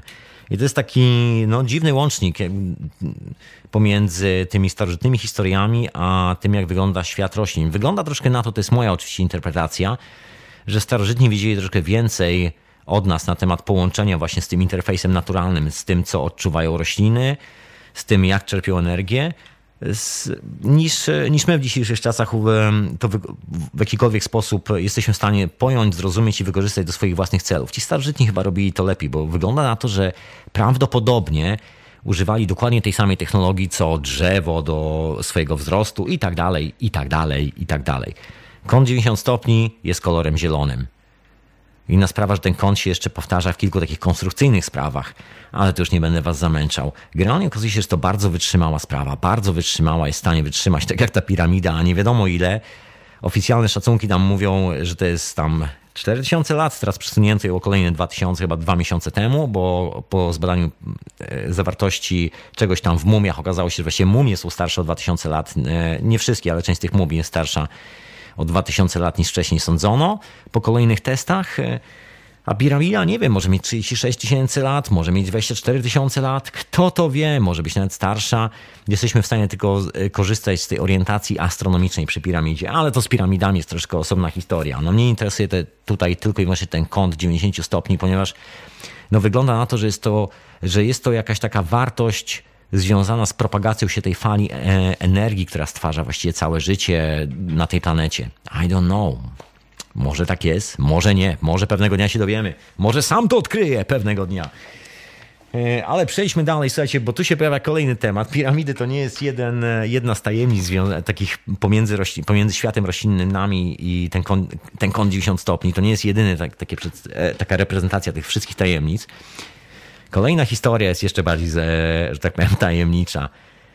Kolejna historia to są kręgi w zbożu, moi drodzy. I tu jest też kolejny fenomen, który jest taki bardzo ciężki do opisania, zakwalifikowania i, i stwierdzenia, co tak naprawdę się dzieje. No, część z tych kręgów, i to chyba czasami znako, znamienita część tych kręgów, jest podróbką robioną przez ludzi. I to nawet powiem chyba szczerze, widać. Ja nigdy nie byłem w takim kręgu, ale przeglądałem masy zdjęć z takich miejsc. Tu w Anglii jest to bardzo popularne hobby, że ludzie jeżdżą, zwiedzają takie miejsca, bo tu takie kręgi są. Masa z nich jest e, tandetną podróbą, ale są takie, które naprawdę podróbą nie są. Chociażby sposób złamania się tych roślinek, sposób, jak powstaje wzór. Kilku ludziom się udało nakręcić na kamerach. Jeszcze, jeszcze 15 lat temu na kamerach wideo nakręcili, jak powstają te kręgi. Bardzo dziwne zjawiska, takie dziwne kulki świecące latają nad polem i nagle powstaje gigantyczny wzór na polu. Znaczy gigantyczny, jak gigantyczny, no, dla nas jest to duży. Normalnie, gdyby się wysłało taką ekipę na pole, to ta ekipa na tym polu musiałaby to robić chyba tak co najmniej z godzinkę, minimum i nie pogubić się w tych wszystkich sznurkach, żeby sobie te wszystkie długości policzyć. I też ciężko jest otworzyć tak precyzyjnie, tak geometryczne kształty.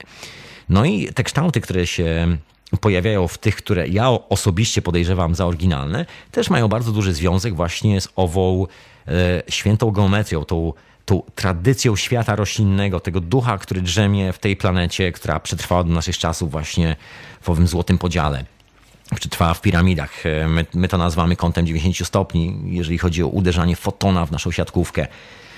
No i tu się w ogóle dzieje taka dziwna historia, bo te kręgi się manifestują generalnie w zbożu. No i tu z powrotem wrócę do tego konceptu, że rośliny są najlepszymi, najbardziej precyzyjnymi antenami do odbioru tej całej kosmicznej informacji, która jest dookoła nas. To jest chyba taki najbardziej doskonały nośnik tej informacji, odbiornik tej informacji, nadajnik tej informacji. No nie wiem, jak to nazwać. No myślę, że my jako ludzie też nie jesteśmy całkiem kiepscy, skoro jesteśmy na tej planecie i tu żyjemy nie wiadomo ile, ile milionów lat, ponoć, a może miliardów, a może byliśmy tu od zawsze. Kto to wie?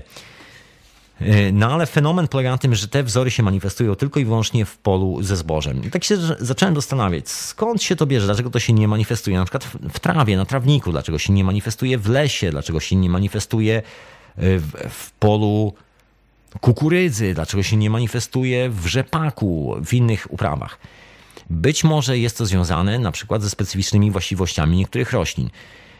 Być może. Zboże ma specyficzne właściwości. Jest, to jest roślinka, która sobie rośnie bardzo wysoko, ma bardzo cienką łodyżkę i ta propagacja wody, czyli prędkość, z którą woda podróżuje w górę, w dół, no jest y, z naszej perspektywy zawrotna. Pamiętajmy, że tam nie ma żadnej pompy, tam nie ma silnika elektrycznego, który by to pompował, silnika spalinowego a prędkość jest wręcz niesamowita. No i to wszystko sobie podróżuje takimi mikrokanalikami. Każdy z tych kanalików, jeżeli sobie przekroimy to na płasko, włożymy pod szkiełko, pod mikroskop, zobaczymy, że ma strukturę bardzo heksagonalną, bym powiedział. Tam zawsze wszędzie jest złoty podział. No i ta woda pomiędzy tymi kanalikami sobie podróżuje, tak sama z siebie, jakby się lepi do jednej ścianki, następnie lepi się do drugiej ścianki, do drugiej, tak, takim ruchem troszkę wahadłowym. Ciężko to opisać. E, to trzeba było po prostu zobaczyć. No ale mam nadzieję, że się domyślacie. Po prostu chodzi o to, że ta woda podróżuje dosyć, e, dosyć szybko w górę i w dół. No i jeżeli się przyjrzymy na strukturę tej rośliny, jest, jest takim cudem natury. Bo na samej górze mamy coś w rodzaju gigantycznej anteny, około 60-40 paru ziaren. Każdy z tych ziaren ma taką samą strukturę, wyrasta z tego samego pnia, można tak to powiedzieć, ale każdy z tych ziaren jest indywidualny. Każde posiada inny rozmiar, pomimo że fraktalnie, jeżeli chodzi o pattern, z którego jest to zbudowane, jest to dokładnie ta sama struktura, to jednak te rozmiary są troszeczkę inne. Jeżeli zaczniemy, porównywać każdy kłos zboża, każde nasionko, okazuje się, że właściwie nie ma dwóch takich samych nasionek, nie ma dwóch takich samych kłosów zboża, każdy jest indywidualny. Przypomina to dokładnie historię z naszymi liniami papilarnymi. Nie ma dwóch takich samych ludzi na świecie. To jest fizycznie niemożliwe. Nie ma dwóch takich samych ludzi, którzy mieli dokładnie ten sam na przykład rezonans elektromagnetyczny serca. Każdy z nas jest indywidualny od początku do końca, łącznie właśnie z owym elementarnym rezonansem bicia naszego serca. I podobnie się odbywa z roślinami. Być może, słuchajcie, te pola są e, w jakiś sposób e, taką gigantyczną anteną i być może tylko dlatego te znaki się pojawiają w polu zboża, ponieważ kiedy skomasujemy wszystkie takie rośliny, szczególnie, szczególnie jeden gatunek, który ma idealne właściwości, jeżeli chodzi o bycie anteną, posiejemy go na dużej przestrzeni, to on może zadziała jako antena i może coś się wydrukuje na nim. To jest troszeczkę jakbyśmy popatrzyli na schemat działania takiej e, klasycznej, e, klasycznej drukarni, która drukuje za pomocą sitodruku, że jest takie sito, w którym jest wytrawione, wytrawiony wzorek, ktoś to polewa tuszem, przelewa tusz, kładzie kartkę pod spodem, przeciera tym tuszem, podnosi to sito i na kartce się odbija tylko ten pattern, a nie cała struktura sita. Być może jest dokładnie tak samo z tymi roślinami. Jest kilka e, tez, które by przemawiały za to. No jedną z takich głównych tez są rozmiary tych ilustracji, które się pojawiają na polach zboża. One zawsze mają dosyć specyficzne proporcje wymiarów w stosunku do wielkości pola i to wygląda troszeczkę tak, jakby to pole zachowało się jak antena.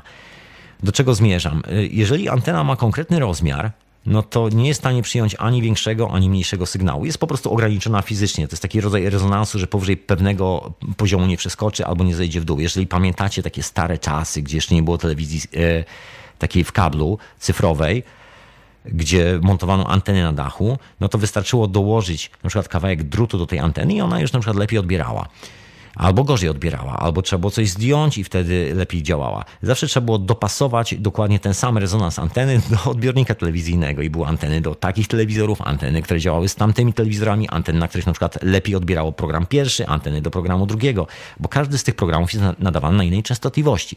I teraz sztuczka polega na tym, żeby dobrać odpowiedni rozmiar anteny, żeby zgarnął ten sygnał.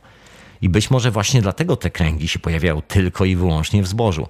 No inna sprawa, że w dzisiejszych czasach jest to szalenie ułatwione, moi drodzy, ponieważ te zboża są opylane i tam właściwie nie ma, to jest monokultura, tam nie ma innych roślin. W tym momencie otrzymujemy coś jak doskonałą, analogową, organiczną antenę, która rośnie na przykład na 20 hektarach kwadratowych albo na 10 hektarach kwadratowych. No i jeżeli ta antena wzbudza jakiś rezonans, a, w, a jak e, zauważyliśmy wcześniej, przynajmniej ja zauważyłem, no to nie jest to nic. Wszyscy to wiemy. Tak, nawet nie będę mówił, że zauważyłem, bo to aż głupio się czuję, jak mówię coś takiego. Jak idiota. No wszyscy wiemy doskonale, że rośliny nie używają żadnego zasilania zewnętrznego, że ta energia idzie skąd i że one po prostu wyłapują doskonale tą energię. I teraz, jeżeli przyjrzymy się dokładnie proporcji, jak dużo energii może wyłapać takie pole, no to właściwie otrzymujemy można by to sprawdzić. Nie, nie robiłem tego, tak się czasami szarpię, że może pewnego dnia to zrobię, y, żeby sprawdzić proporcje w stosunku do, rys do rysunku, który jest drukowany na tym polu. Bo jeżeli takie pole na przykład produkuje, przypuśćmy, ileś tam energii, przypuśćmy, że to jest 10, 10 e, jednostek energii, to na położenie takiego, w ogóle na odbiór tej anteny, na położenie tego zboża w środku, trzeba zużyć jakąś energię. To się samo nie dzieje. No i może właśnie zależy to od wielkości pola. Może na tym polega cały fenomen, że tylko zboże jest w stanie właśnie takie monokultury przyjąć na siebie e, jakikolwiek sygnał, po prostu odebrać jakikolwiek sygnał i się tak poskładać.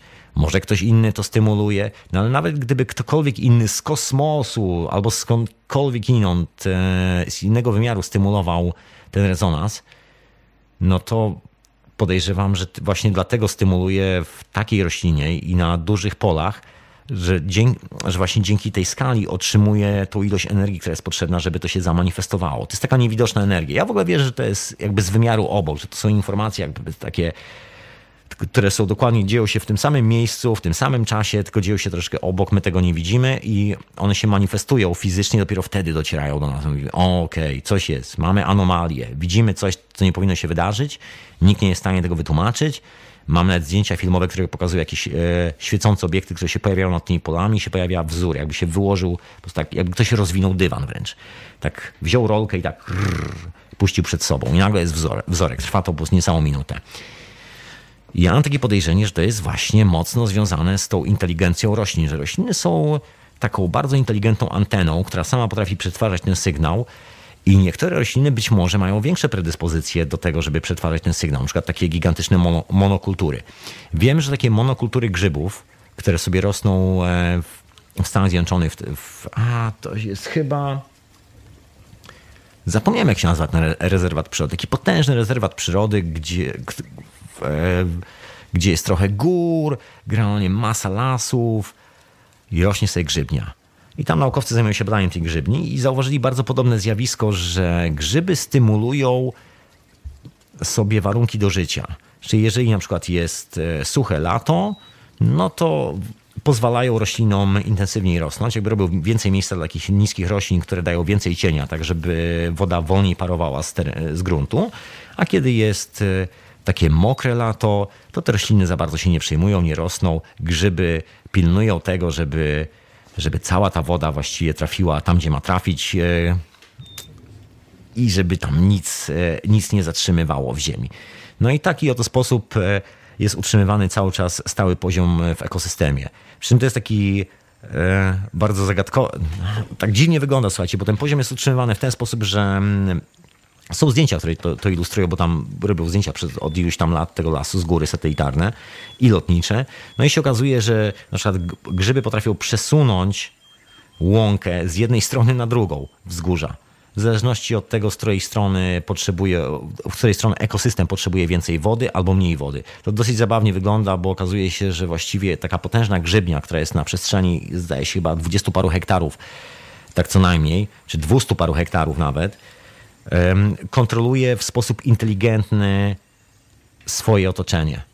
To tak jak my, jak budujemy miasto. Trochę dokładnie w ten sam sposób. No i to może iść podobnie jak, jak z tymi kręgami w zbożu. Może też stąd się biorą. No ja mam takie podejrzenie, że to jest właśnie antena. Że zboże jest po prostu fajną anteną, która świetnie rezonuje. W sensie nie przez przypadek, może dlatego w zbożu pojawił się sporyż, czyli główny podstawowy składnik LSD. Hmm. Może stąd się to wzięło, bo to jest taka dziwna struktura, która właściwie no, jest taką jedną wielką, gigantyczną anteną, która odbiera sygnał, którego my nie jesteśmy w stanie w ogóle zbadać, zmierzyć, w ogóle w, ogóle w jakikolwiek sposób odczyć. My już, my już widzimy efekty tego sygnału. E, czujemy ten sygnał cały czas, bo jesteśmy z niego zrobieni jak wszystko, co żywe na tej planecie, ale z jakichś powodów on się manifestuje właśnie przez rośliny, nie przez nas. To jest ten tajemniczy kąt 90 e, stopni z kolorem zielonym, to jest ten tajemniczy złoty podział, który w ogóle w człowieku nie występuje, występuje tylko i wyłącznie w roślinach. Nie wiadomo, nie wiadomo. No mi to wygląda absolutnie na antenę, proszę Państwa. Inna sprawa, że taka roślinka e, no, ma niesamowite właściwości, jeżeli chodzi o przytulanie jakiejkolwiek informacji z zewnątrz. Takie nasionko potrafi przeżyć nawet dziesiątki lat, a czasami nawet setki lat i wykiełkować w właściwym momencie. My to właściwie jak tak mainstreamowo nauka to tłumaczy, że to jest stworzenie pewnych warunków, ale nikt właściwie nie jest do końca w stanie wyjaśnić, dlaczego tak się dzieje. Jak to możliwe, że kawałek substancji organicznej, która gdzieś sobie leży w ziemi, w ziemi dawno powinna zgnić, e, dawno powinna się rozsypać, jeżeli zakopiemy obok e, te, tego nasionka stalowy szpadel, to ten szpadel się szybciej e, rozsypie i zardzewieje na pył, niż to nasionko. Nasionko wyrośnie pewnego dnia, kiedy po szpadlu już nie będzie ani śladu. To też jest fenomen, którego nikt nie jest w stanie wyjaśnić. Jedyne, wydaje mi się, znaczy, no nie jest to na pewno jedyne, ale jedno z takich sensownych wytłumaczeń jest, być może jest to po prostu anteną. Jest to taką genialną anteną przystosowaną od samego początku do końca, właśnie, żeby współpracować z tą planetą, żeby cały czas rosnąć, cały czas propagować, żeby ten ruch cały czas się odbywał bez żadnych przerw, żebyśmy mogli po prostu coś włożyć na talerz. No właśnie, bo tak skoro już wróciliśmy z tych wypraw, z tych pól zboża, no właśnie, może chyba zgłodnieli wszyscy. To może wróćmy troszkę do talerza. E, to może coś zjedzmy, coś roślinnego.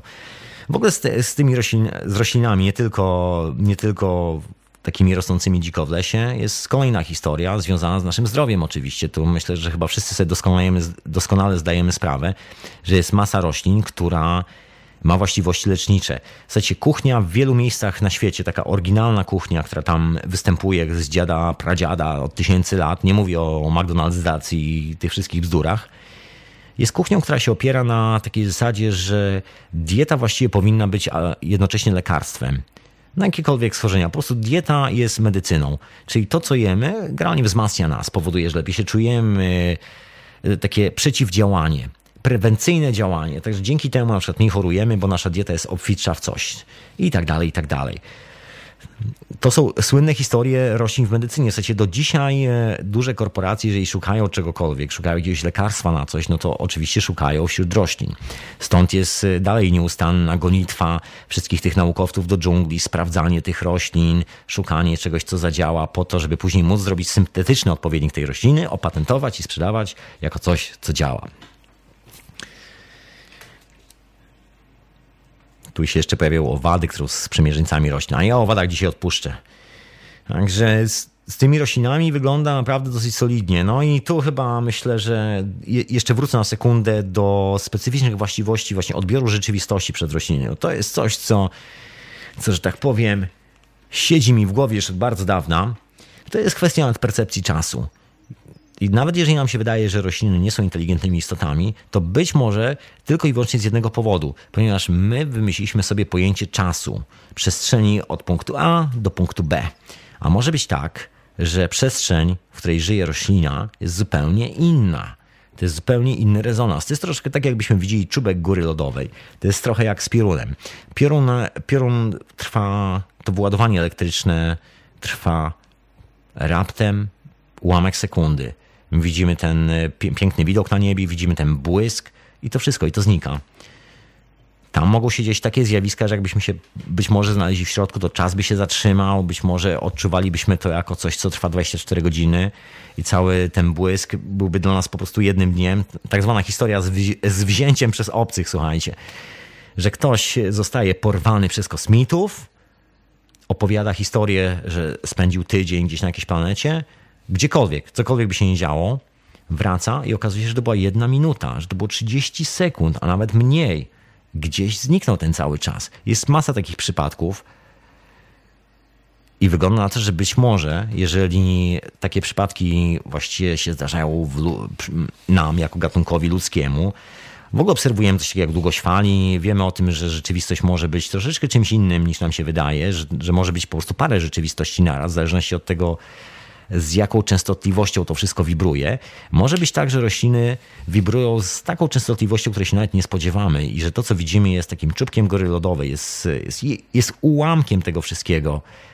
A gdybyśmy się przestrolili, to nagle roślina zaczęłaby do nas mówić, zaczęłaby się odzywać, zaczęłaby z nami rozmawiać, dyskutować i być może byłoby zupełnie inaczej. No, być może. To nie jest do końca być może, moi drodzy.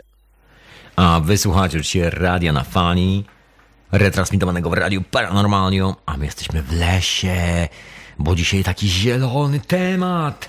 Roślinny wieczór, proszę Państwa, w hiperprzestrzeni. Właśnie wspomniałem o tych roślinach, specjalnych roślinach. No mowa jest oczywiście o roślinach zawierających substancje o nazwie DMT, roślina o nazwie mm, grzyby halucynogenne, popularnie Popularnie tak to się nazywa, ten rodzaj grzybów, zawierający psylocybinę, e, kanabis, sporyż na zbożu, wszystkie te substancje, które się w całości po prostu nazywa substancjami psychoaktywnymi, które przestrają nasz mózg i powodują, że widzimy trochę więcej niż trochę mniej. No i być może jest to właśnie potwierdzenie tej doskonałej anteny pomiędzy światem dookoła, a roślinami anami. Może to jest właśnie ten brakujący interfejs. Może dlatego starożytni budowali na tym kącie 90 stopni. Może stąd przetrwała właśnie ta tradycja, przepraszam bardzo, złotego podziału. Może właśnie stąd się to wszystko wzięło.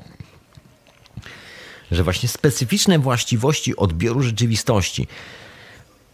No wracając tak jeszcze na sekundę do tego złotego podziału, jest to, jest co jest fenomenalnego w Złotym Podziale, że nie da się go wyliczyć do końca. Tam zawsze ta końcówka jest przesunięta i zawsze on się będzie mnożył przez siebie, tak długo jak nam wystarczy sił, energii, możliwości i chęci, tak długo da się to po prostu dzielić, to jakby nie ma fizycznie końca ani w jedną, ani w drugą stronę. I przypomina to dokładnie sytuację z piorunem na niebie i drzewem rosnącym na łące.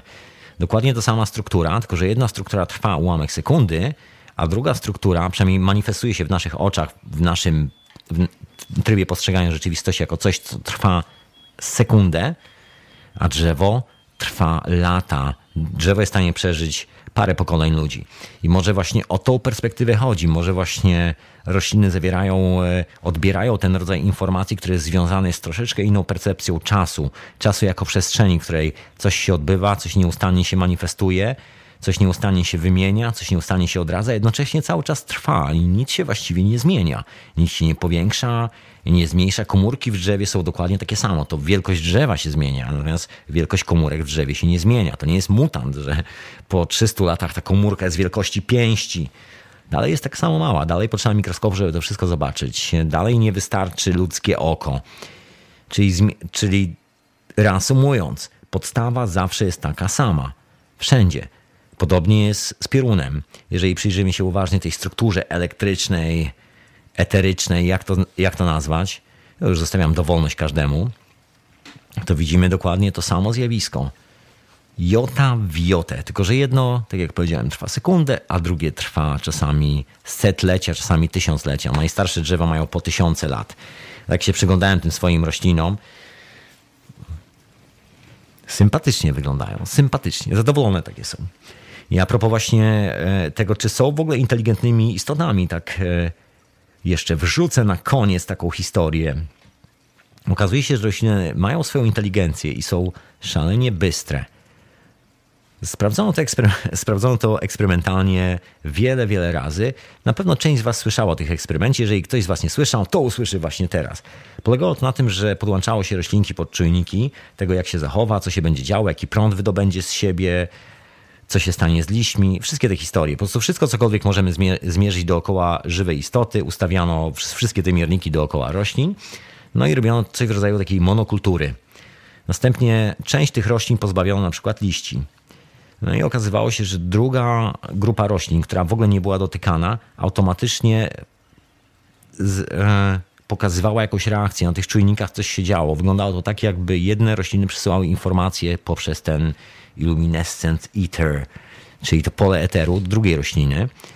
I wygląda na to, że świetnie się komunikują. O ile z grzybnią i, tych bad i badaniami prowadzonymi w lesie, sprawa jest w sumie dosyć prosta, bo jest to takie bardzo spójne pole morfogenetyczne, wręcz dosłownie. No, grzybnia się rozprzestrzenia i rozciera na obszarze czasami setek kilometrów. I to jest właściwie jeden grzyb. On się manifestuje w postaci małych grzybków. Kiedy zbieramy je z łąki, to jest jeden grzybek, drugi, trzeci, czwarty.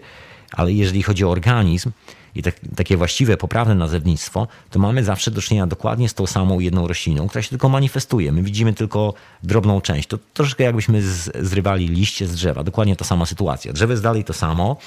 Dalej mamy do czynienia z tą samą rośliną, która ma ten sam system korzeniowy, e, ten sam, jakby ten, samą, tą samą rolę w ekosystemie. My tylko widzimy liście, bo reszta jest schowana głęboko, głęboko pod ziemią. No i okazuje się, że rośliny czują, absolutnie czują. No zresztą, zresztą stąd się bierze ten fenomen mówienia do roślin. Wszyscy chyba doskonale wiemy, że jeżeli się mówi do roślin, to rośliny lepiej rosną. Jeżeli się rośliny głaska, to też to lubią. W ogóle rośliny są przyjacielskie.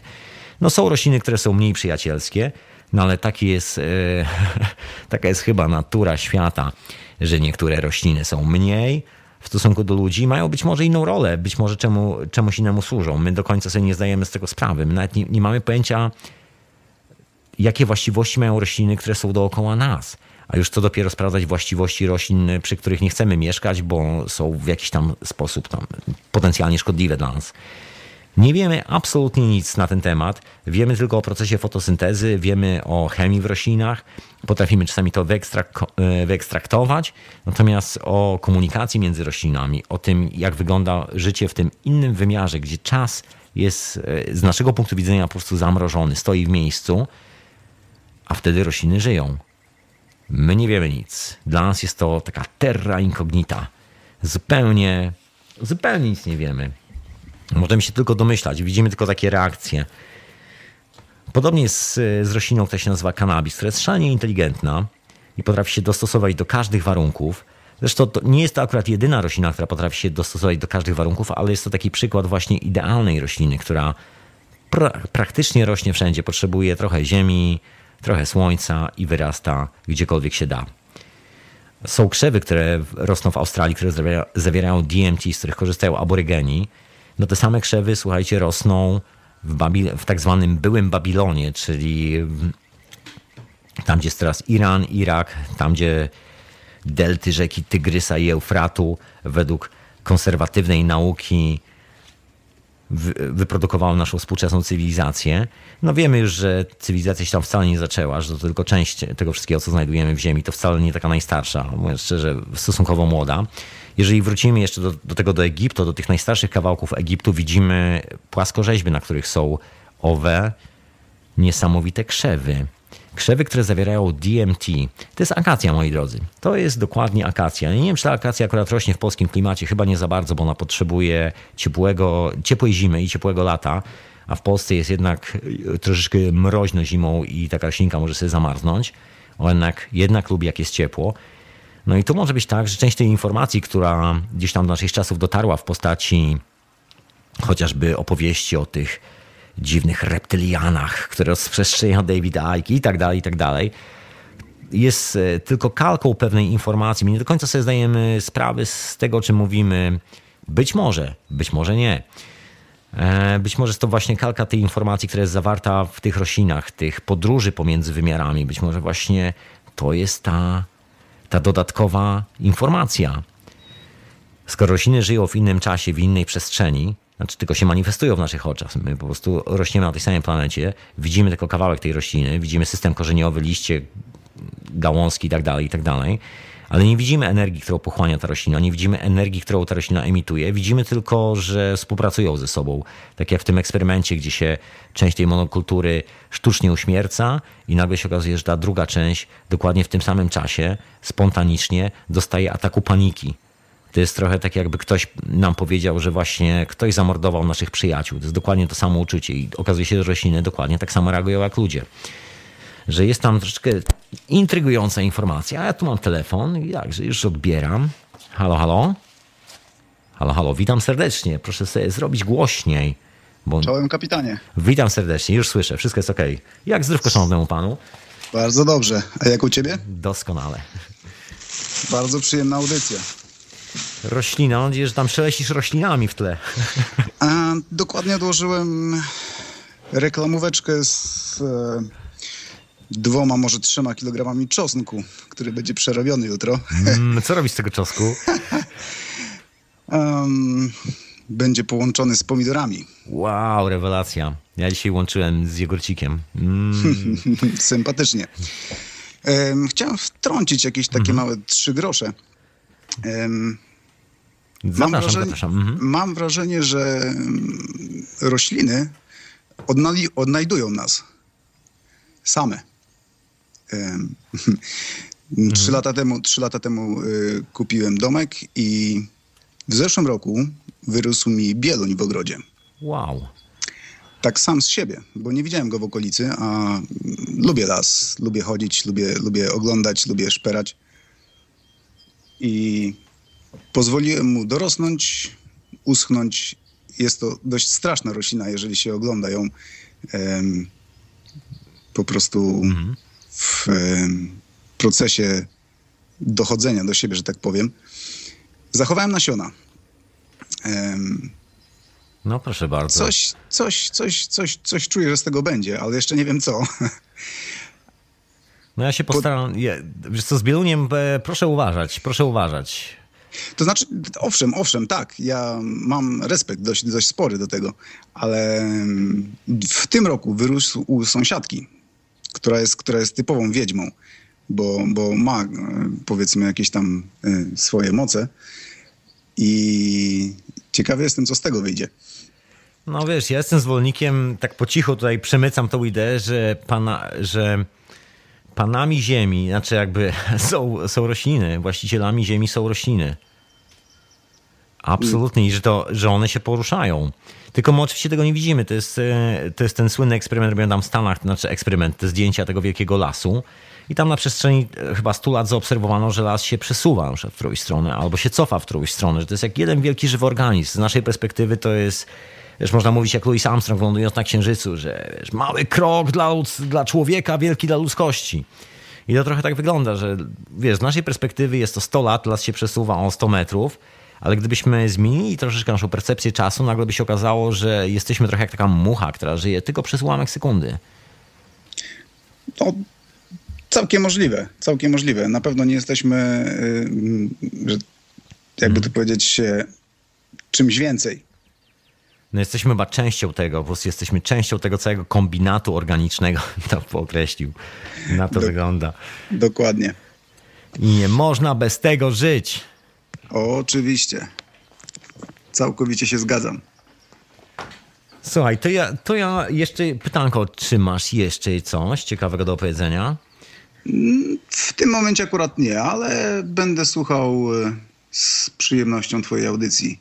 To zapraszam, bo ja tu powoli będę kończył, dlatego tak się nieszczęśliwie zapytałem, czy to jeszcze, czy jeszcze coś? Rozumiesz, tak po prostu jak się zapytać, żeby dobrze zabrzmiało, żeby wiesz... Ach, nie, brzmisz dobrze, jest okej. Okay. Dzięki wielkie, już ulga, ulga. okay, słucham, mhm. słucham dalej, do usłyszenia. Dzięki za telefon. No.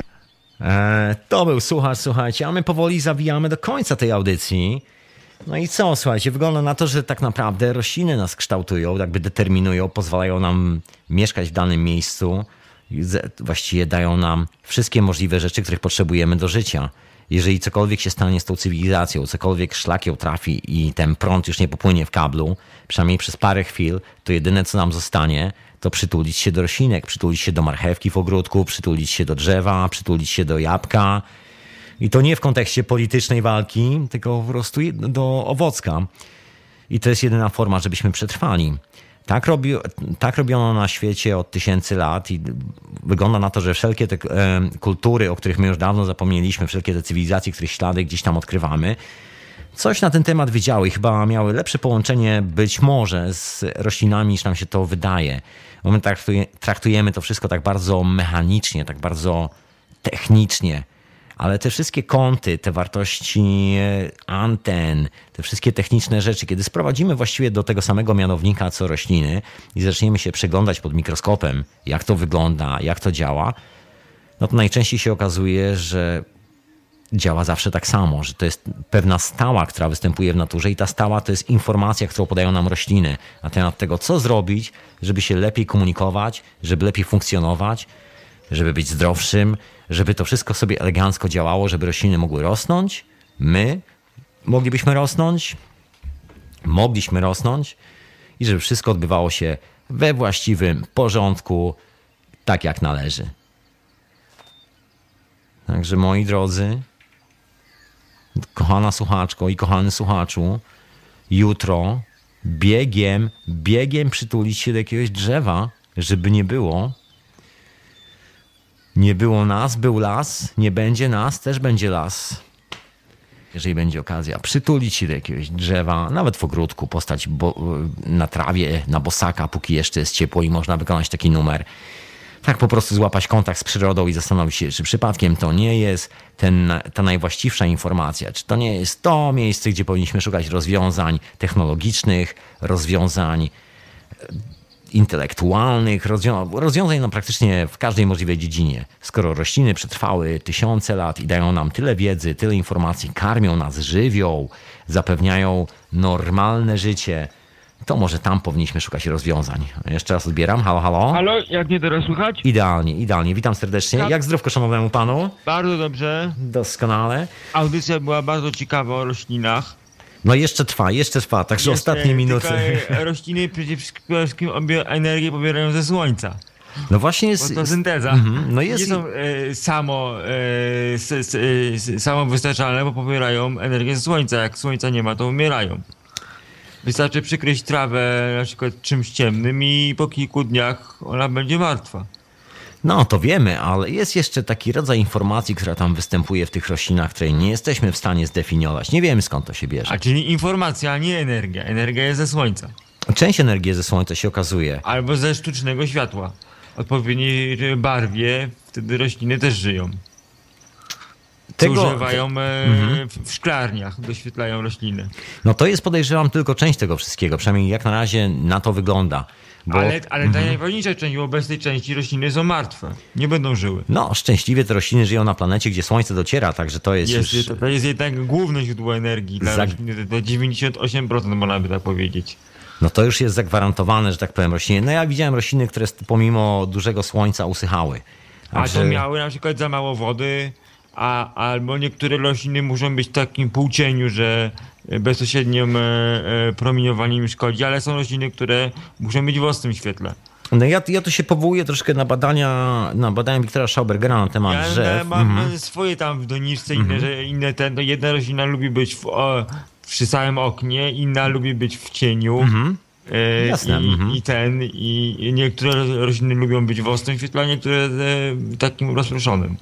No ja tak wrócę jeszcze na moment właśnie do Wiktora Schaubergera, bo on odkrył bardzo ciekawą zależność, jeżeli chodzi o funkcjonowanie roślin. Właśnie zajmował się badaniem, jak duży, proces, jak duży wpływ ma udział proces fotosyntezy w roślinach i czy przypadkiem nie jest tak, że, że foto, owszem, fotosynteza jakby definiuje istnienie rośliny, to oczywiście tak, ale pewne warunki do wzrostu, to, że w ogóle to funkcjonuje, że samo słońce naprawdę nie jest wszystkim, odkrył bardzo ciekawą rzecz związaną właśnie z drzewami.